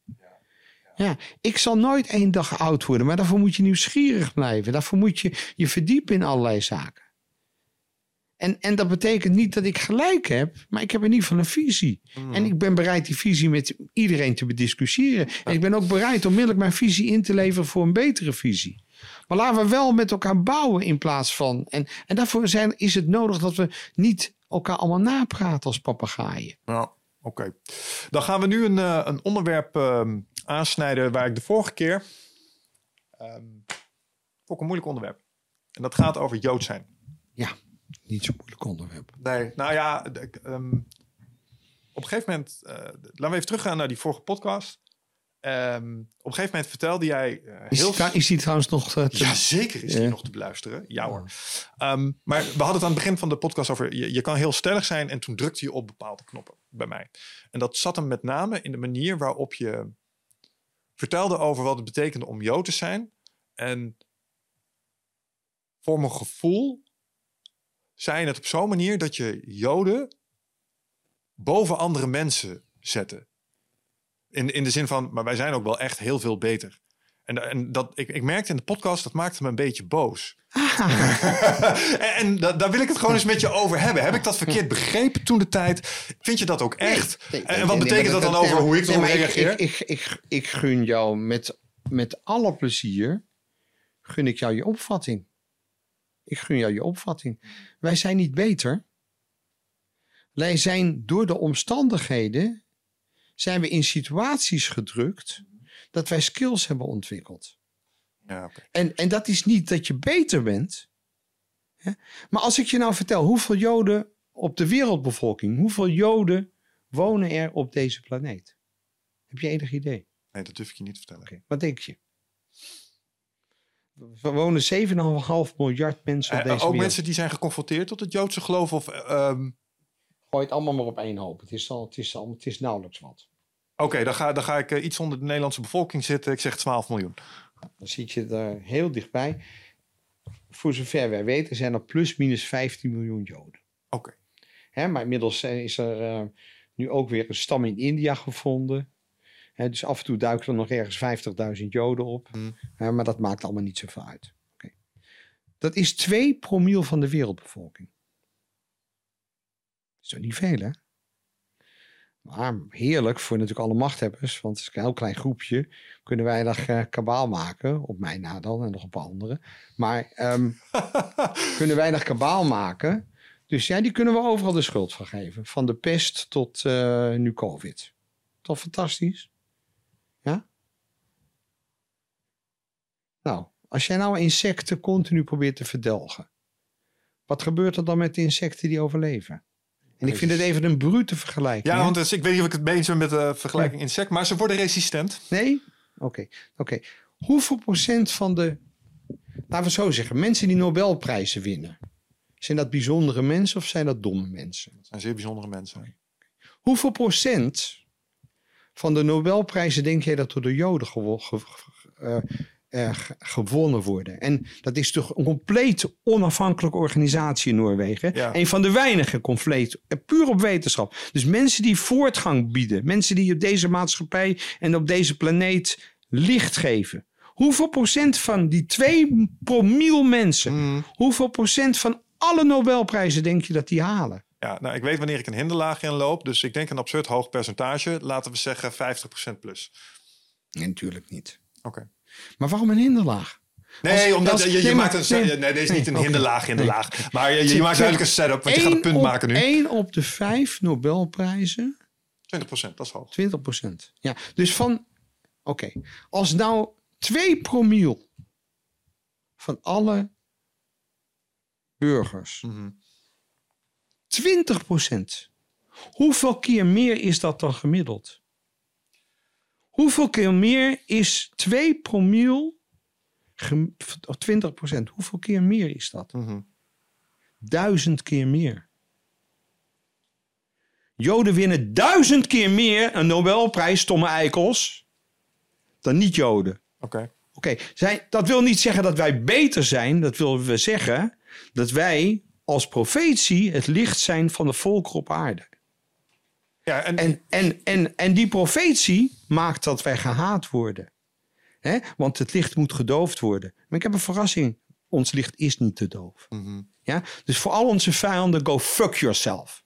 Ja? En ik ben zo klaar met dit geïnstitutionaliseerde antisemitisme. Ja, wij vechten terug. Wil je ons dood hebben? Nou, zorg dan maar dat je je eigen leven gauw, je eigen graf gaat graven. Want jij gaat eerst. Wij zijn er klaar mee. Hmm. Wij zijn nu strijdbaar. Het gaat nooit meer gebeuren dat wij in treinen, en waar we nog hetzelfde eigen treinkaartje moesten betalen. En dat waren allemaal keurige mensen hè, die op zondags in de kerk zaten. Scheid aan al die mensen. Scheid. Scheid aan een koningin die geen vinger heeft uitgestoken om Joden te redden. En de huidige koning die zo beschaafd is om voor aan alles excuses aan te bieden, die wordt afgeschilderd als een lul. Mhm. Misschien zijn lullen dan blijkbaar wel beschaafder dan de echte koningin van Nederland. Weet je, hè? We gaan ze uitzoeken hoeveel honderden miljoenen ze verdiend hebben aan de slavernijhandel. Wat een hypocrisie. Mhm. Nee, wij zijn niet beter. Hè, maar wij hebben recht op een plaats op deze planeet. En als wij zoveel bijdragen aan het welvaart van mensen, dan mag dat ook eens een keer gezegd worden.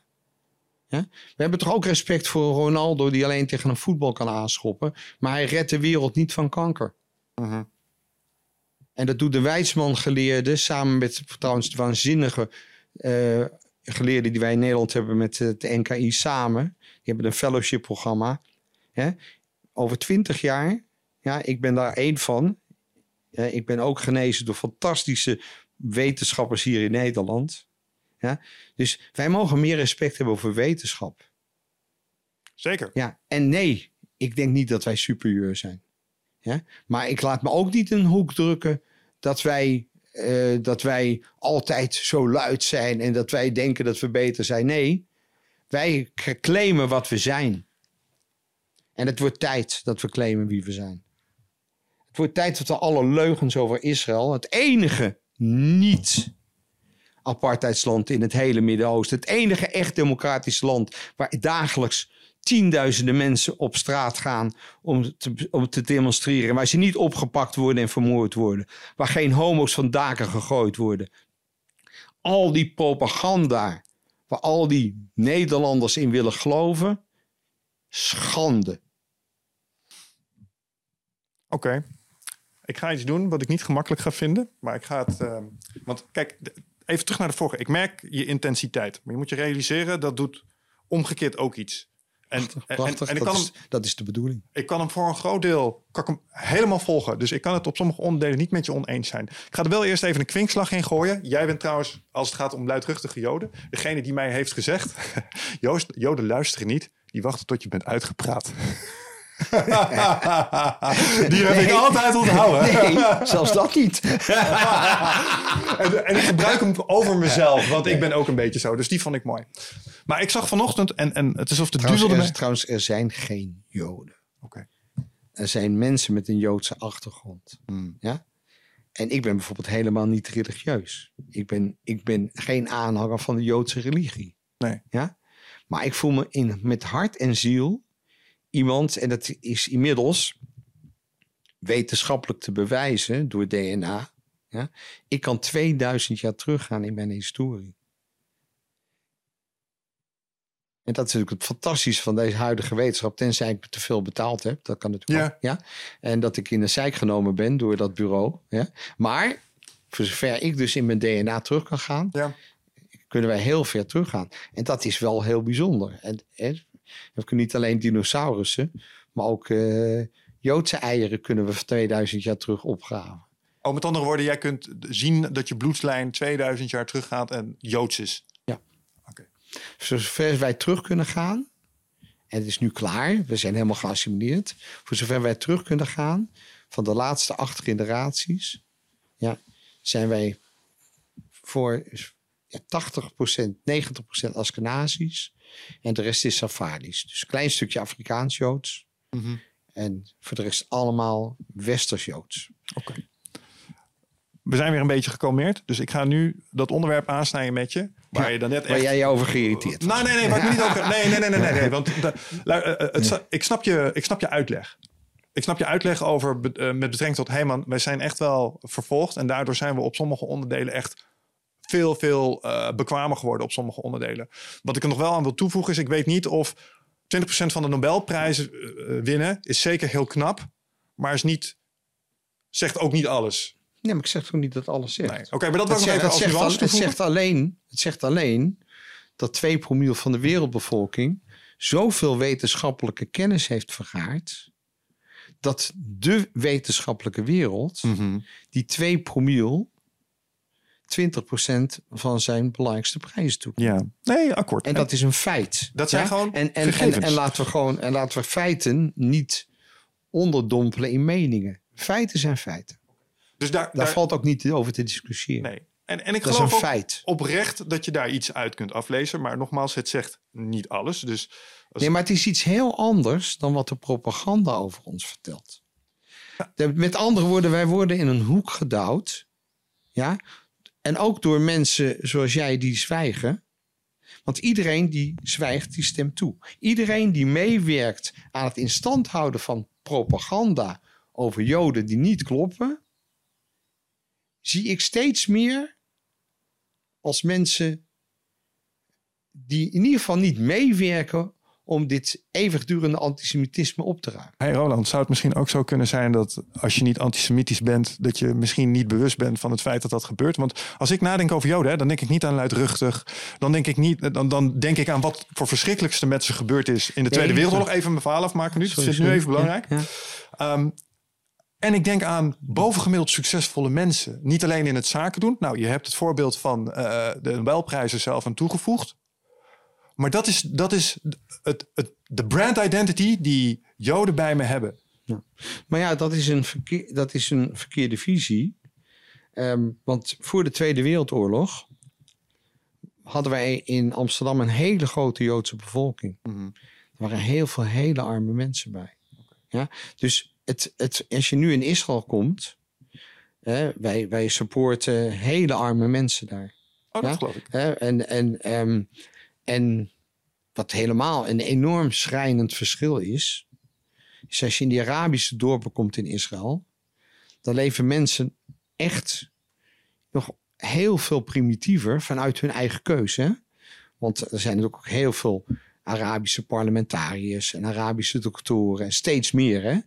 Hè, voor de, over het algemeen, de Arabische, er zijn weinig moslimvrouwen die Israël zouden willen ruilen voor Libanon, Syrië. Of, eh, En als je in Israël over de grens kijkt bij Libanon, nou, je weet niet wat je ziet. Hè, het ene, aan de ene kant is alles groen en ontwikkeld met hard werk door hardwerkende mensen. In de andere kant zitten de mannen in te gokken en te dobbelen en doen de hele dag niks. En de vrouwen die lopen alles te regelen van de kinderen tot. Dus er is cultureel een wereld van verschil. En het is natuurlijk niet zo raar dat die Arabische machtshebbers dat in 1947 helemaal niet zagen zitten. Mhm. Dat daar eens even een klein groepje mensen ging laten zien hoe het anders kon. Was natuurlijk voor een hele machtssysteem was dat natuurlijk ja. En, en dat er inmiddels miljoenen mensen gegijzeld worden in een politiek machtsspelletje. Hè? En dat daar ook Israël en de Joden de schuld van krijgen. ook dat is van een onwetendheid waar je helemaal misselijk van Oké, wordt. nou dan ga ik een risico lopen om onwetend te zijn. Ik wil het hebben over, eh, als je het goed vindt, Israël en Palestina. Omdat eh, je had het er straks met een duidelijke hart. Je zat hier, je was gepassioneerd. Vind ik Aan de ene kant heel mooi. Maar het geeft me ook aan, dit is een hot button topic. Dus ik. Maar weet je er wat van? Want als je er niks van weet, dan gaan we hier, dan moeten we dit niet, onderwerp niet beetpakken. Want dit onderwerp is namelijk heel erg beladen, Ja. heel, heel erg belast. Ja?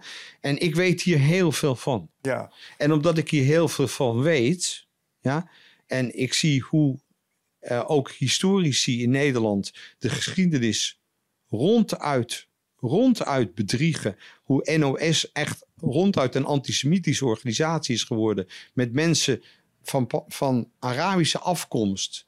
Die niet eens weten dat hun leiders alweer vrienden zijn met Israël. En eigenlijk altijd vrienden zijn geweest. Want er was geen grotere vriend van de Joden dan de Marokkaanse koning tijdens de Tweede Wereldoorlog.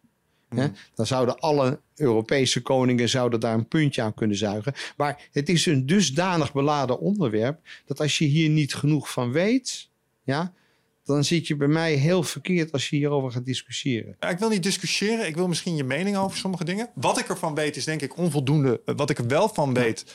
Ehm, Want er zijn zoveel dingen waar we allebei wat van weten. Ja, ja, nee, nee, nee, maar ik weet daar, nee, daar kan ik best wel blanco in. Wat ik wel weet is, eh, ik heb een, eh, een vriend altijd gehad en die was bijzonder geïnteresseerd in eh, militaire strategie.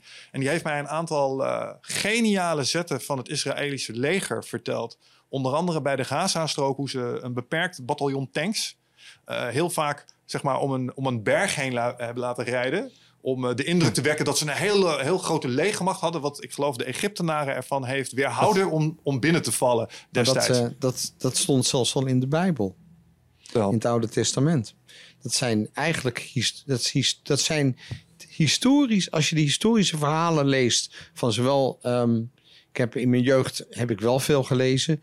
Dus ik heb in die tijd heb ik natuurlijk eh, veel Soefi-wijsheid tot me genomen. Ik lees nog steeds wel, hè, maar ik bedoel in verhouding tot de tijd die ik nu stop in podcasts luisteren, Sure. sneller informatie vergaren dan eh, een gedrukt boek. Ja, misschien neem je Ja? luisterend ook makkelijker op, hè? Kan. Ja, nou ja, sowieso als je meer zintuigen inzet, neem je makkelijker op, hè? Ja. Maar, ehm, sorry, ik ben, ik ben je vraag kwijt. Excuus.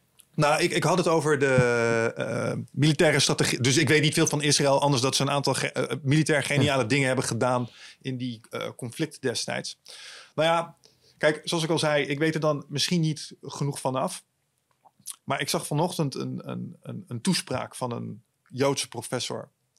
En er was een mevrouw die stelde een vraag aan hem over. Ik, ik geloof dat hij iets vergeleek met, met nazi's en dat vond ze kwetsend. Toen zei hij, nou ja, luister, even voor de goede orde. Ik ben klaar, net met dezelfde passie zoals ik hier net eh, bij jou eh, aantrof, om te doen alsof we als Israël, en nou realiseer ik me dat dit heel eh, moeilijk onderwerp is. Ik voel een bepaalde apprehensie, maar ik ga het toch doorzetten. Ehm, dat hoe er met Palestina wordt omgegaan, eh, waarbij mensen uit hun huizen worden gehaald, eh, mensen eh gekidnapt worden, eh, militair worden onderdrukt, dat daar wel degelijk parallellen in zitten met de Tweede Wereldoorlog. Complete bullshit. Ja, oké, daarom zeg ik, ik Nee, weet er onvoldoende vanaf. Nee, maar, maar het is, dit is zulke complete bullshit. Oké, Laat ik je nou eens een, een vraag stellen. let's go. Oké. Nou, jij woont hier. Yes. Oké. Ehm,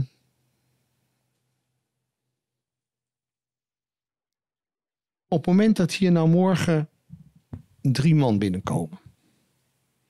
Die randen je vrouw aan. Die vermoorden je kind. Wat ga jij doen? Dat is geen vraag. Nee, dat vraag ik je. Nee, dat, dat- oké. Als je, als je nou twintig jaar lang mensen feest vieren als er een Joods kind vermoord wordt. 30 jaar lang, 70 jaar lang. Ja? Als nou Yasser Arafat verklaarde, ja, toen Israël 97% van alle bezette gebieden wilde vrijgeven voor een nieuwe Arabische staat. Er zou nooit een Palestijnse staat komen. Er was Jordanië, en in 1948 heeft Jordanië toen de Westbank bezet. Is nooit een Palestijnse staat gekomen. Arabieren waren helemaal niet van plan om nog een Arabische staat te maken. Alleen in 1964 heeft de KGB de Palestijnse bevrijdingsbeweging opgezet in Tunis, die geleid werd door een Egyptenaar. Nou, zo, zo bestaat het Palestijnse volk. En vervolgens wilde niemand die vluchtelingen hebben. Moet je je voorstellen dat wij geen vluchtelingen opnemen, maar dat we die hier gewoon laten rotten. En dat we een complete organisatie opzetten met westers en Arabisch geld. De UNWRA. Die antisemitische leerboekjes uh, afdrukt. Die haat verkondigt. Ja? Yasser Arafat heeft verklaard.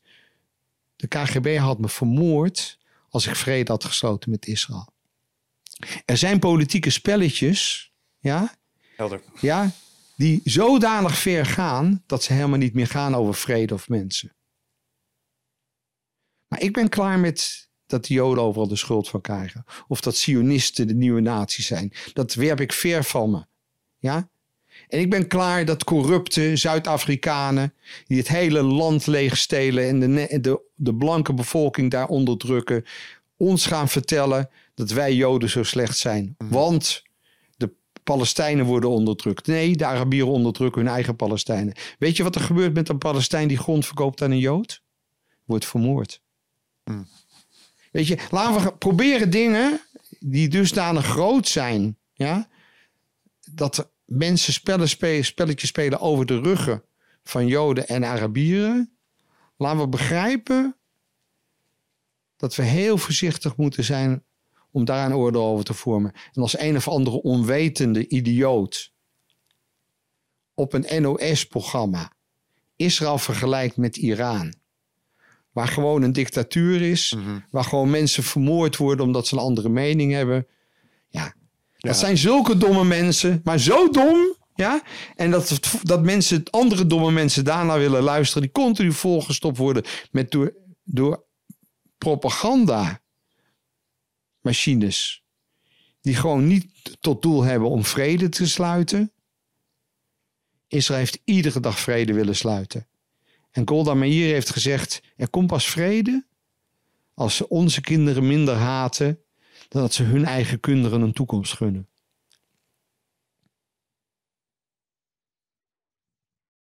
En daar wou ik eigenlijk deze discussie mee eindigen als mag.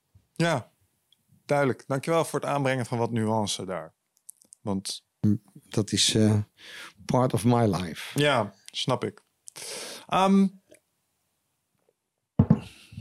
en ik vond dat je het keurig deed, want ik zag de, de emotie. En ik kan me dat ook voorstellen, maar je, je moet je wel voor, je bent de eerste die ik meemaak uh, van zo dichtbij, uh, die daar zo. Ik heb al eerder Joodse mensen meegemaakt, maar het is zo intens bij jou. Dus het roept ook mijn nieuwsgierigheid op. Dus vandaar. Nou ja, kijk, um, ik kom uit een tijd dat mijn belangrijkste leermeester zijn moeder, zijn zus en zichzelf uit een trein gooide. Waarbij die zegt, ik zag alleen maar palen. Maar op het moment dat ik die paal zag, gooide ik. En andere mensen zagen alleen maar het gevaar. Mm -hmm. En hij zag de kans. Er is geen volk ter wereld dat zo misbruikt de schuld heeft gekregen, uitgehoerd is als het Joodse volk. En dat is klaar. Zoveel was al duidelijk. Ja, dat is klaar. Dat is klaar. Zullen we eens kijken naar iets wat eruit voortgekomen is? Misschien zeg ik iets wat niet helemaal klopt, maar iets wat er tegenaan leunt in mijn beleving. Wat vele malen positiever is. Mooi. Waar we het daar straks ook al een paar keer over gehad hebben. En wat misschien ook hier weer wat perspectief op kan geven. En dat is Kabbalah. Kabbalah. Kabbalah. Ja. Want in de, De, laatste... leer, de leer van het licht. De leer van het licht, want dit was een heel donker onderwerp. En ik denk dat we allebei wel een kaarsje kunnen gebruiken nu. Dus laten we er eens een aansteken. Nou, het was niet eens een donker onderwerp. Het wordt wat donker belicht. Maar het is op zich is natuurlijk het streven naar vrede en welvaart voor iedereen natuurlijk prachtig. Eens. Maar als we het hebben in termen van energie, zoals we het voor de podcast ook hebben gesproken, dan, dan hè, we kunnen vrolijk zijn, maar we kunnen ook in moeilijke, wat donkere energie zitten vroeten. En eh, dit onderwerp, voor mij voelt dat absoluut zo aan. Mooi. Maar je hebt er wat licht in gebracht, dus dat is het, uh, een, beetje, een beetje perspectief. En hopelijk ook goed. wat luchtiger. Zeker. Nou ja, daar, gaan daar zijn we nu lekker mee bezig. toch nog? Ik wou net zeggen. Ehm, laten we eens beginnen bij het begin. Want ik zei het al eh, eerder in onze laatste podcast kregen we het eh, een klein beetje op het laatst ineens eh, over Kabbalah. daar was ik toen echt helemaal niet mee bezig. En ik, ah, weer zo'n spiritueel systeem en dat soort dingen. In- Inmiddels ben ik ook wat gerijpt heb ik me er een klein beetje meer in verdiept. En ik vind het echt fascinerend. Maar ik zou graag van jou eens horen wat Kabbalah nou eigenlijk is. En, en daarna wat het voor je doet. Ehm, misschien wel de belangrijkste kabbalist die we allemaal kennen was Jezus. Jezus was een kabbalistische rabbijn. En dus haast alle uitspraken die Jezus gedaan heeft, zijn kabbalistische uitspraken. De Kabbalah is de leer van het licht. En die zegt, wij zijn allemaal een klein vonkje van het hemelse licht. En vanuit die taak om de wereld te verlichten, Mhm. ja, hebben wij een zorg voor elkaar. Zorg om voor elkaar te zorgen. Zorg om de mensen die zichzelf niet kunnen beschermen, te beschermen. Zorgplicht. Eigenlijk een hele moderne vorm van, of een hele moderne, maar hele oude vorm van socialisme. ja. Ja. En leer die eigenlijk uitgaat van een wereld die werkt voor iedereen vanuit liefde, tolerantie en respect. De leer van het licht. Mooi. En ik heb, daar heel, heb me daar heel erg in verdiept. En zoals met heel veel dingen zie ik dan het mooie en het minder mooie. Mhm. Het mooie is de leer op zich. Het minder mooie zijn de mensen die de leer organiseren en tot een soort secte of machtssysteem maken. Ja. En, en het, het rare is, dat zie je dus iedere keer, dat de leermeester, of het nou Jezus was, of het was Osho, hè, de Bhagwan, de leermeester heeft een prachtige boodschap. De mensen die het vervolgens mee aan de haan gehaal gaan, die maken daar machtssystemen van. Ja. Hè? Zoals christendom, de katholieke kerk, voortzetting werd van het Romeinse Rijk. Niet heel veel meer met de leer van Jezus te maken. En de leer van liefde en tolerantie en Mhm. respect. Ja. En natuurlijk onder hele andere omstandigheden. In de tijd van Jezus werd een vrouw nog gestenigd als ze overspel pleegde. Mhm. In een aantal Arabische landen gebeurt dat nog steeds. Ja. Ja. Ja, dus er is, weet je, we hebben het over de afschaffing van slavernij, laat me niet lachen.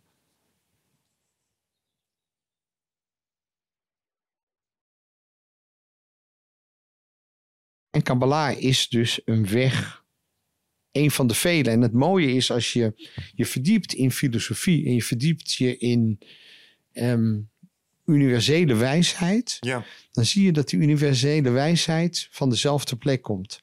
Alleen die wordt vormgegeven door cultuur.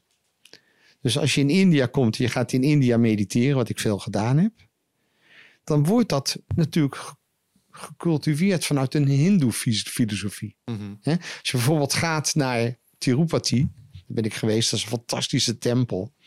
En Tirupati is een, de tempel van de god van de ondernemers. Ja, Hey, cool. ja, echt heel cool. Nou, moet ik een keer naartoe. Ja. Ja, ja. Nou, ik ben er dus twee keer geweest. En ehm, dan geloof ik sowieso in dingen in het universum plaatsen. Dus Ja. dit is ook een vorm van dingen in het universum plaatsen. Die tempel zorgt voor de hele provincie. Die staat bovenop een heuvel of berg. En ehm, mensen gaan daar naartoe om hun haar te laten afscheren. Dat haar wordt dan verkocht. Brengt heel veel geld op India haar. Wordt nu gemengd met Chinees haar. Eh, Waarom brengt dat zoveel geld op?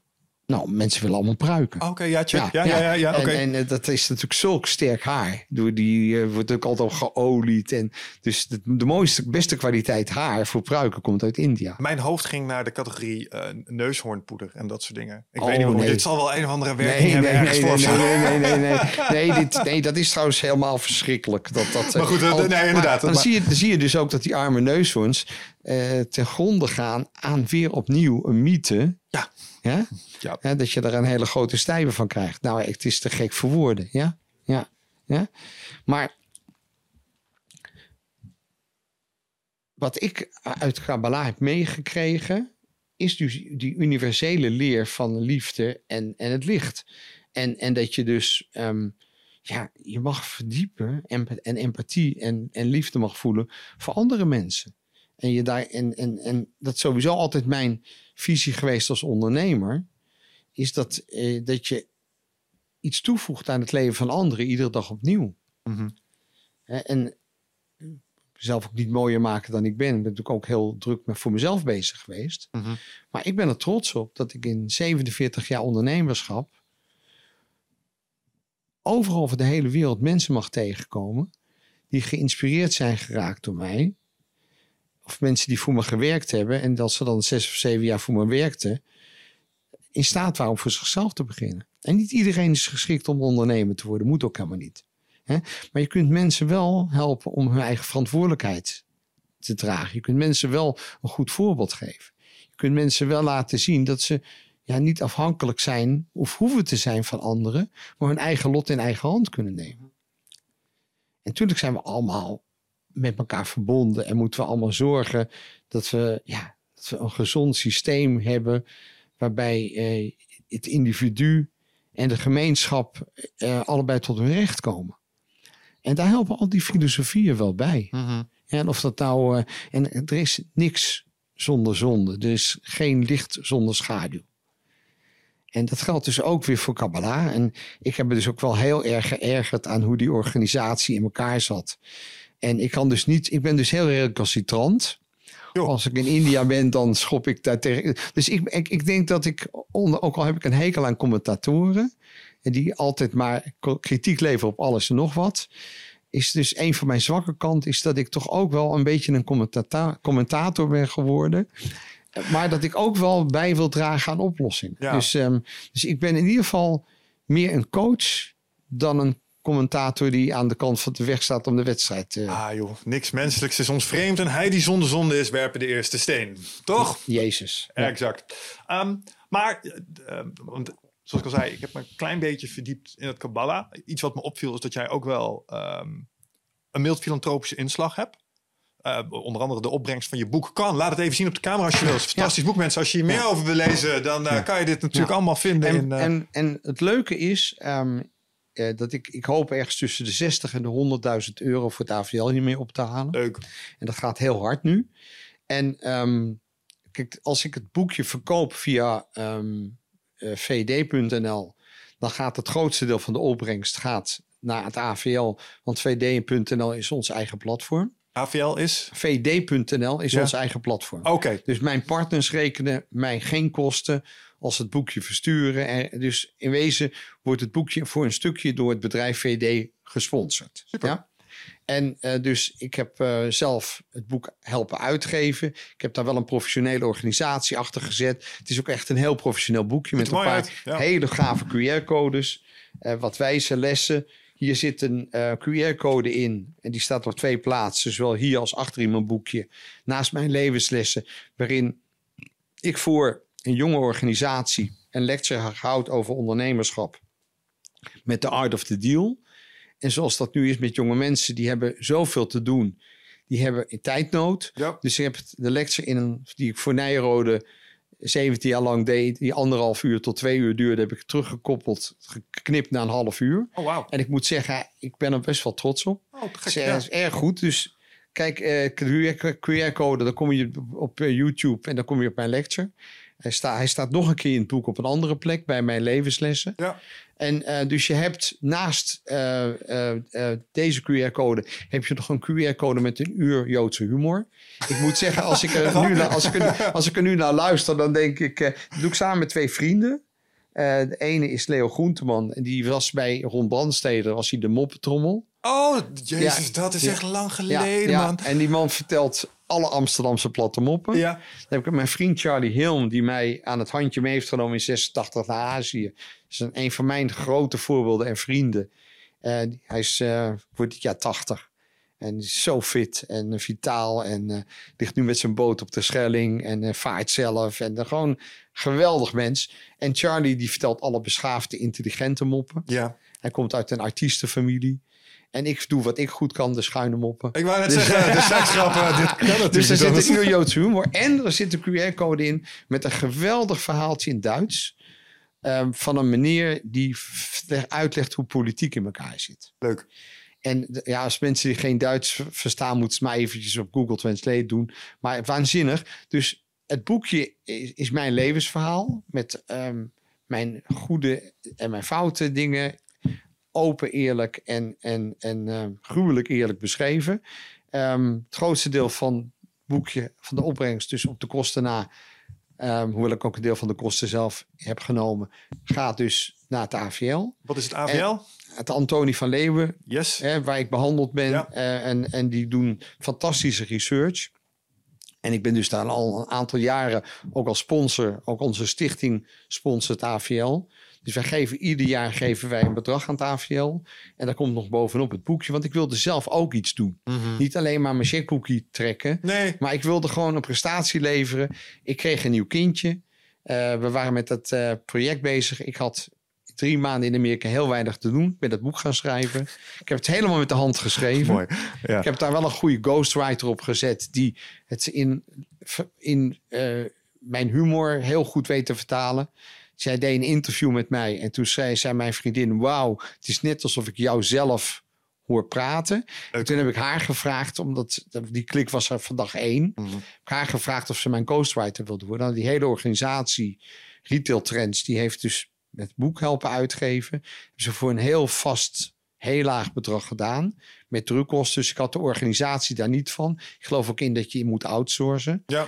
Maar zeg maar, de alle kosten van het boekje zijn 5 euro. En ehm dan komt 1995 komt er uit per boekje. Er moet dan 9% btw over betaald worden. Want ook de overheid pakt zijn deel, zoals met alles. En de rest, als je dus bij, bij vd.nl koopt, gaat dus naar het AVL. Maar ik ben inmiddels best een bekende ondernemer. Mhm. En ik krijg iedere week krijg ik allerlei verzoeken. Wil je niet eens naar me luisteren of mag ik een keertje op de koffie komen? Ik heb besloten, dat mag alleen als je 50 boekjes koopt. Dus als je mij support met Oh, 1000 shit. euro. Ja, ja, ja. hè, en dat doe ik iedere week ontvang ik nu drie ondernemers. Bij 50 boekjes, 1000 euro. Ze mogen ook gewoon zeggen, ik hoef de boekjes niet. Ik geef 1000 euro aan het AVL, mag ook. Doen een aantal mensen. Die zeggen, geef me maar vijf boekjes. En eh heb ik zat. En, maar er zijn ook mensen die zeggen, ik vind het heel leuk om 50 boekjes uit te, Ja, ja, weg ja. te geven. Hè, dus ik, en dan gaat dus alles, hè, dan heb ik dus zelfs geen verzendkosten, helemaal niks. Die mensen komen dat bij me halen, komen op de koffie. En als ze 100 boekjes kopen, 2000 euro, dan nodig ik ze uit voor de lunch bij me op de zaak. Superleuk. Ja? En als ze 200 boekjes kopen, dan neem ik een hele middag de tijd, 4000 euro, om eh, ze te adviseren. En dat is, eh, als ik zie wat om me heen adviseurs kosten, ben ik spotgoedkoop. Ik wou zeggen, dat is Ja. een koopje mensen. Ja, ja, is een koopje. Ja, Dus ondernemers, als je het leuk vindt. En eh, iedere keer weer ook in de, in de, in, in de Lotgenoten podcast... waar eh 100.000 views nu zijn gepasseerd. Daar heb ik, ik denk via hun heb ik ongeveer 600 boekjes verkocht. Superleuk. Dus ik hoop dat ik ook via jouw podcast wat boekjes verkoop. En ja, ik zit nu aan de laatste eh 1500 exemplaren. Daar zijn we op. Dus het is ook nog eens ergens- opschieten geblazen. Ja, dus eh, dus ik, eh, ja, ik nodig jullie allemaal van harte uit om, eh, om bij me op bezoek te komen. Maar zo- ik vind, ben ook heel blij met iedereen die bij vnd.nl boekje koopt. Kunnen wij nog iets van een link in de show notes opnemen voor je om het allemaal wat te bespoedigen? Nou, dat heel graag. Ja? je. Gaan we dat eh, regelen? Je mag sowieso het boekje... ik laat het boekje graag voor je achter. En ik zet daar straks wat moois in. Want ik krijg van jou een mooi boekje. Je Ja. krijgt van mij een mooi boekje. En ik vind jouw titel wel erg mooi. Hoor. Get your shit together. Ja. Ja. Is ook hier in de podcast geboren, die titel. Heel gaaf. Tijdens een podcast met Hanna Kuppen. Dat is leuk. Ehm, dus eh, de- over je boek. eh, we kwamen erop door de filantro- eh, filantropie. We zitten trouwens bijna op de twee uur. Dus ik ga er zo langzamerhand ook een eind aan breien. Ook om je chauffeur niet al te lang te laten wachten. Hij kwam met een mooie auto aanrijden, dames en heren. Ik was echt onder de indruk. Ehm, Ja, ja, ik geloof in goed leven. Ja, nee, dat is duidelijk.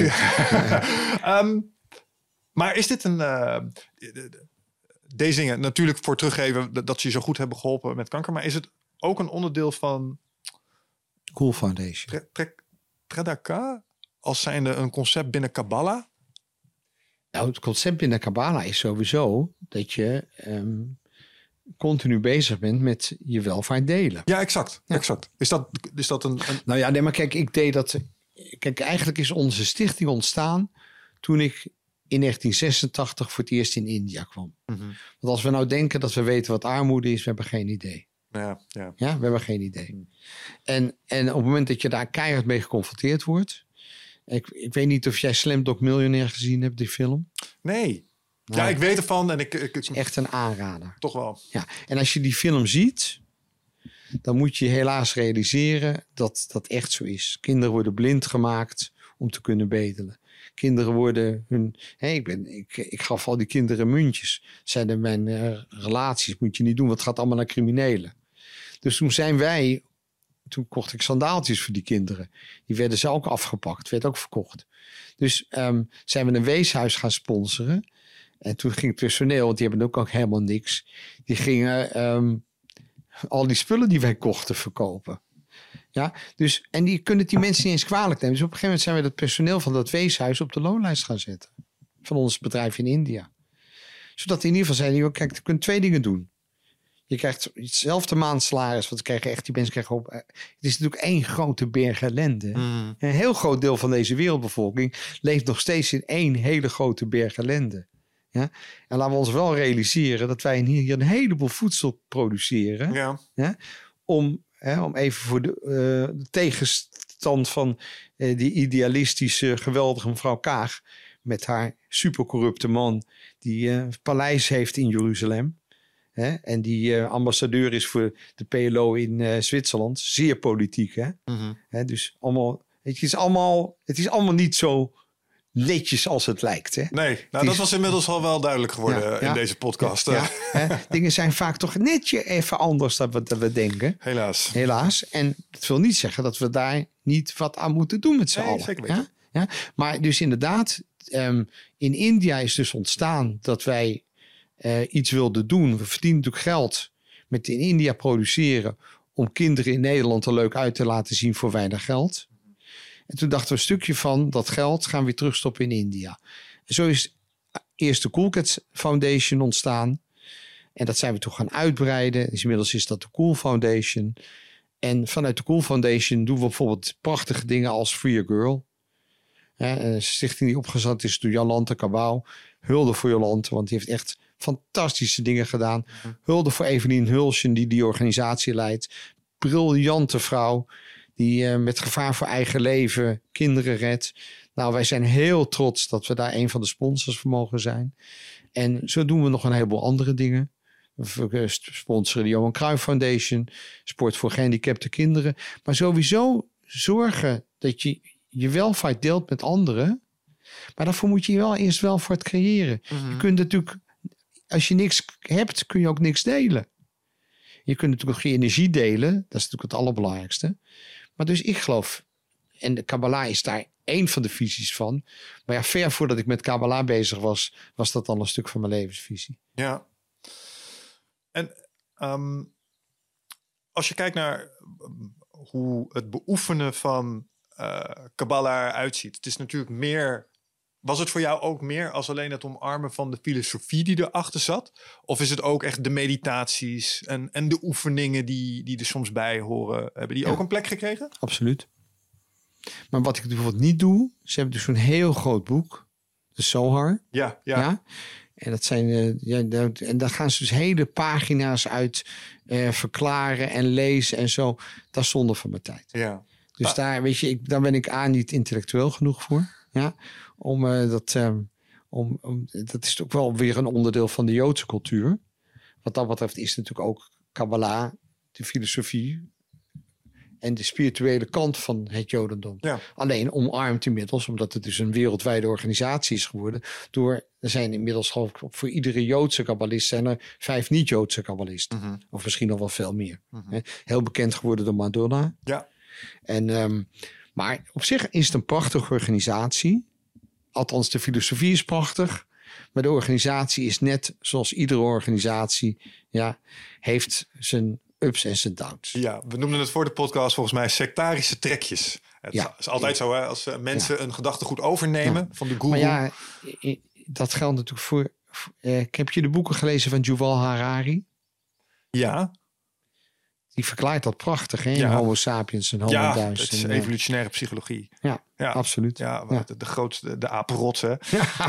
Letterlijk. Ja. Ehm, ik heb nog twee laatste vragen over eh, eh, Kabbalah. Als het gaat om de meditaties. Ben jij bekend met het Kabbalisch kruis?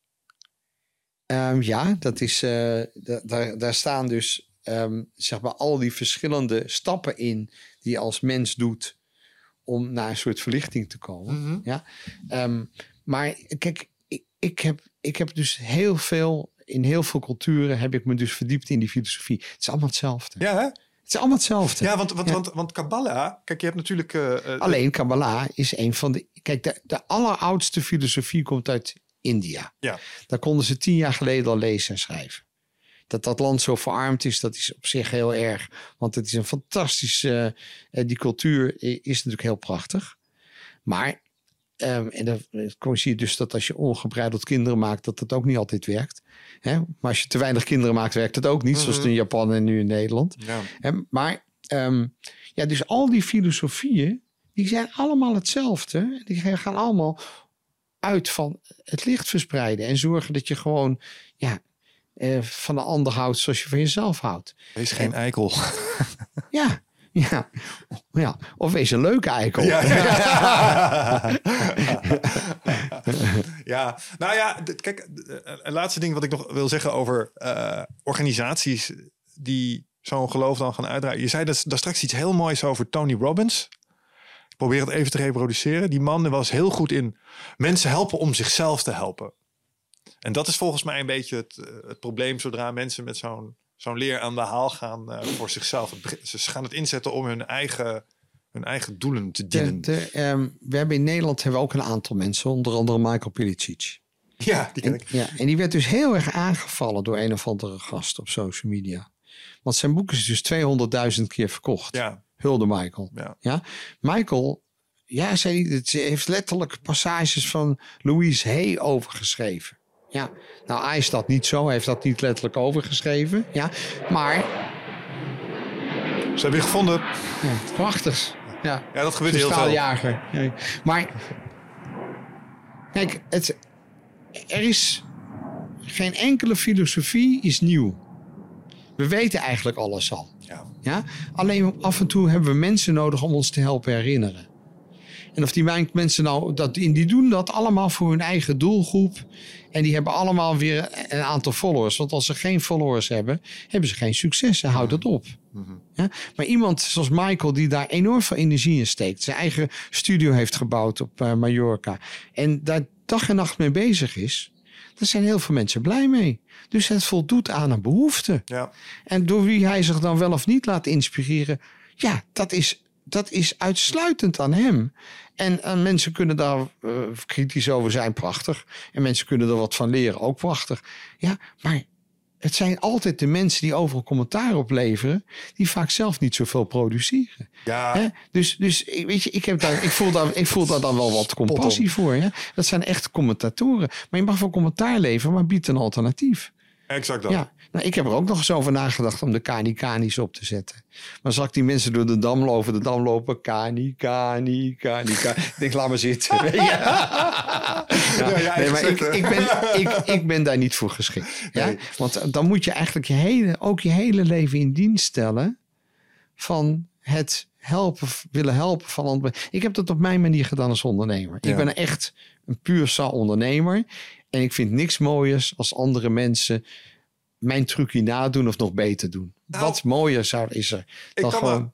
één plek verzinnen waarvan ik vandaag heb geleerd waar jij misschien wel een goede hoogpriester zou kunnen zijn. En dat is in die tempel in India, gewijd aan de goden van het ondernemen. nou, dat is een hele mooie. Alsjeblieft. Eh, Ik zeg, eh, laten we hem daar ook mee afronden. Eh, Roland, het was eh, weer een achtbaanritje. Ik ben echt eh, heel blij dat je geweest bent. Ik heb dingen geleerd. We zaten weer even in de emotie. Dat vind ik ook mooi. Eh, maar ik vond vooral het maar laatste altijd stuk... vanuit liefde, toch? Altijd vanuit liefde. En wat mij betreft kom je absoluut nog een keer terug om eh, eh, vooral nog een keer over de Joodse humor te vertellen.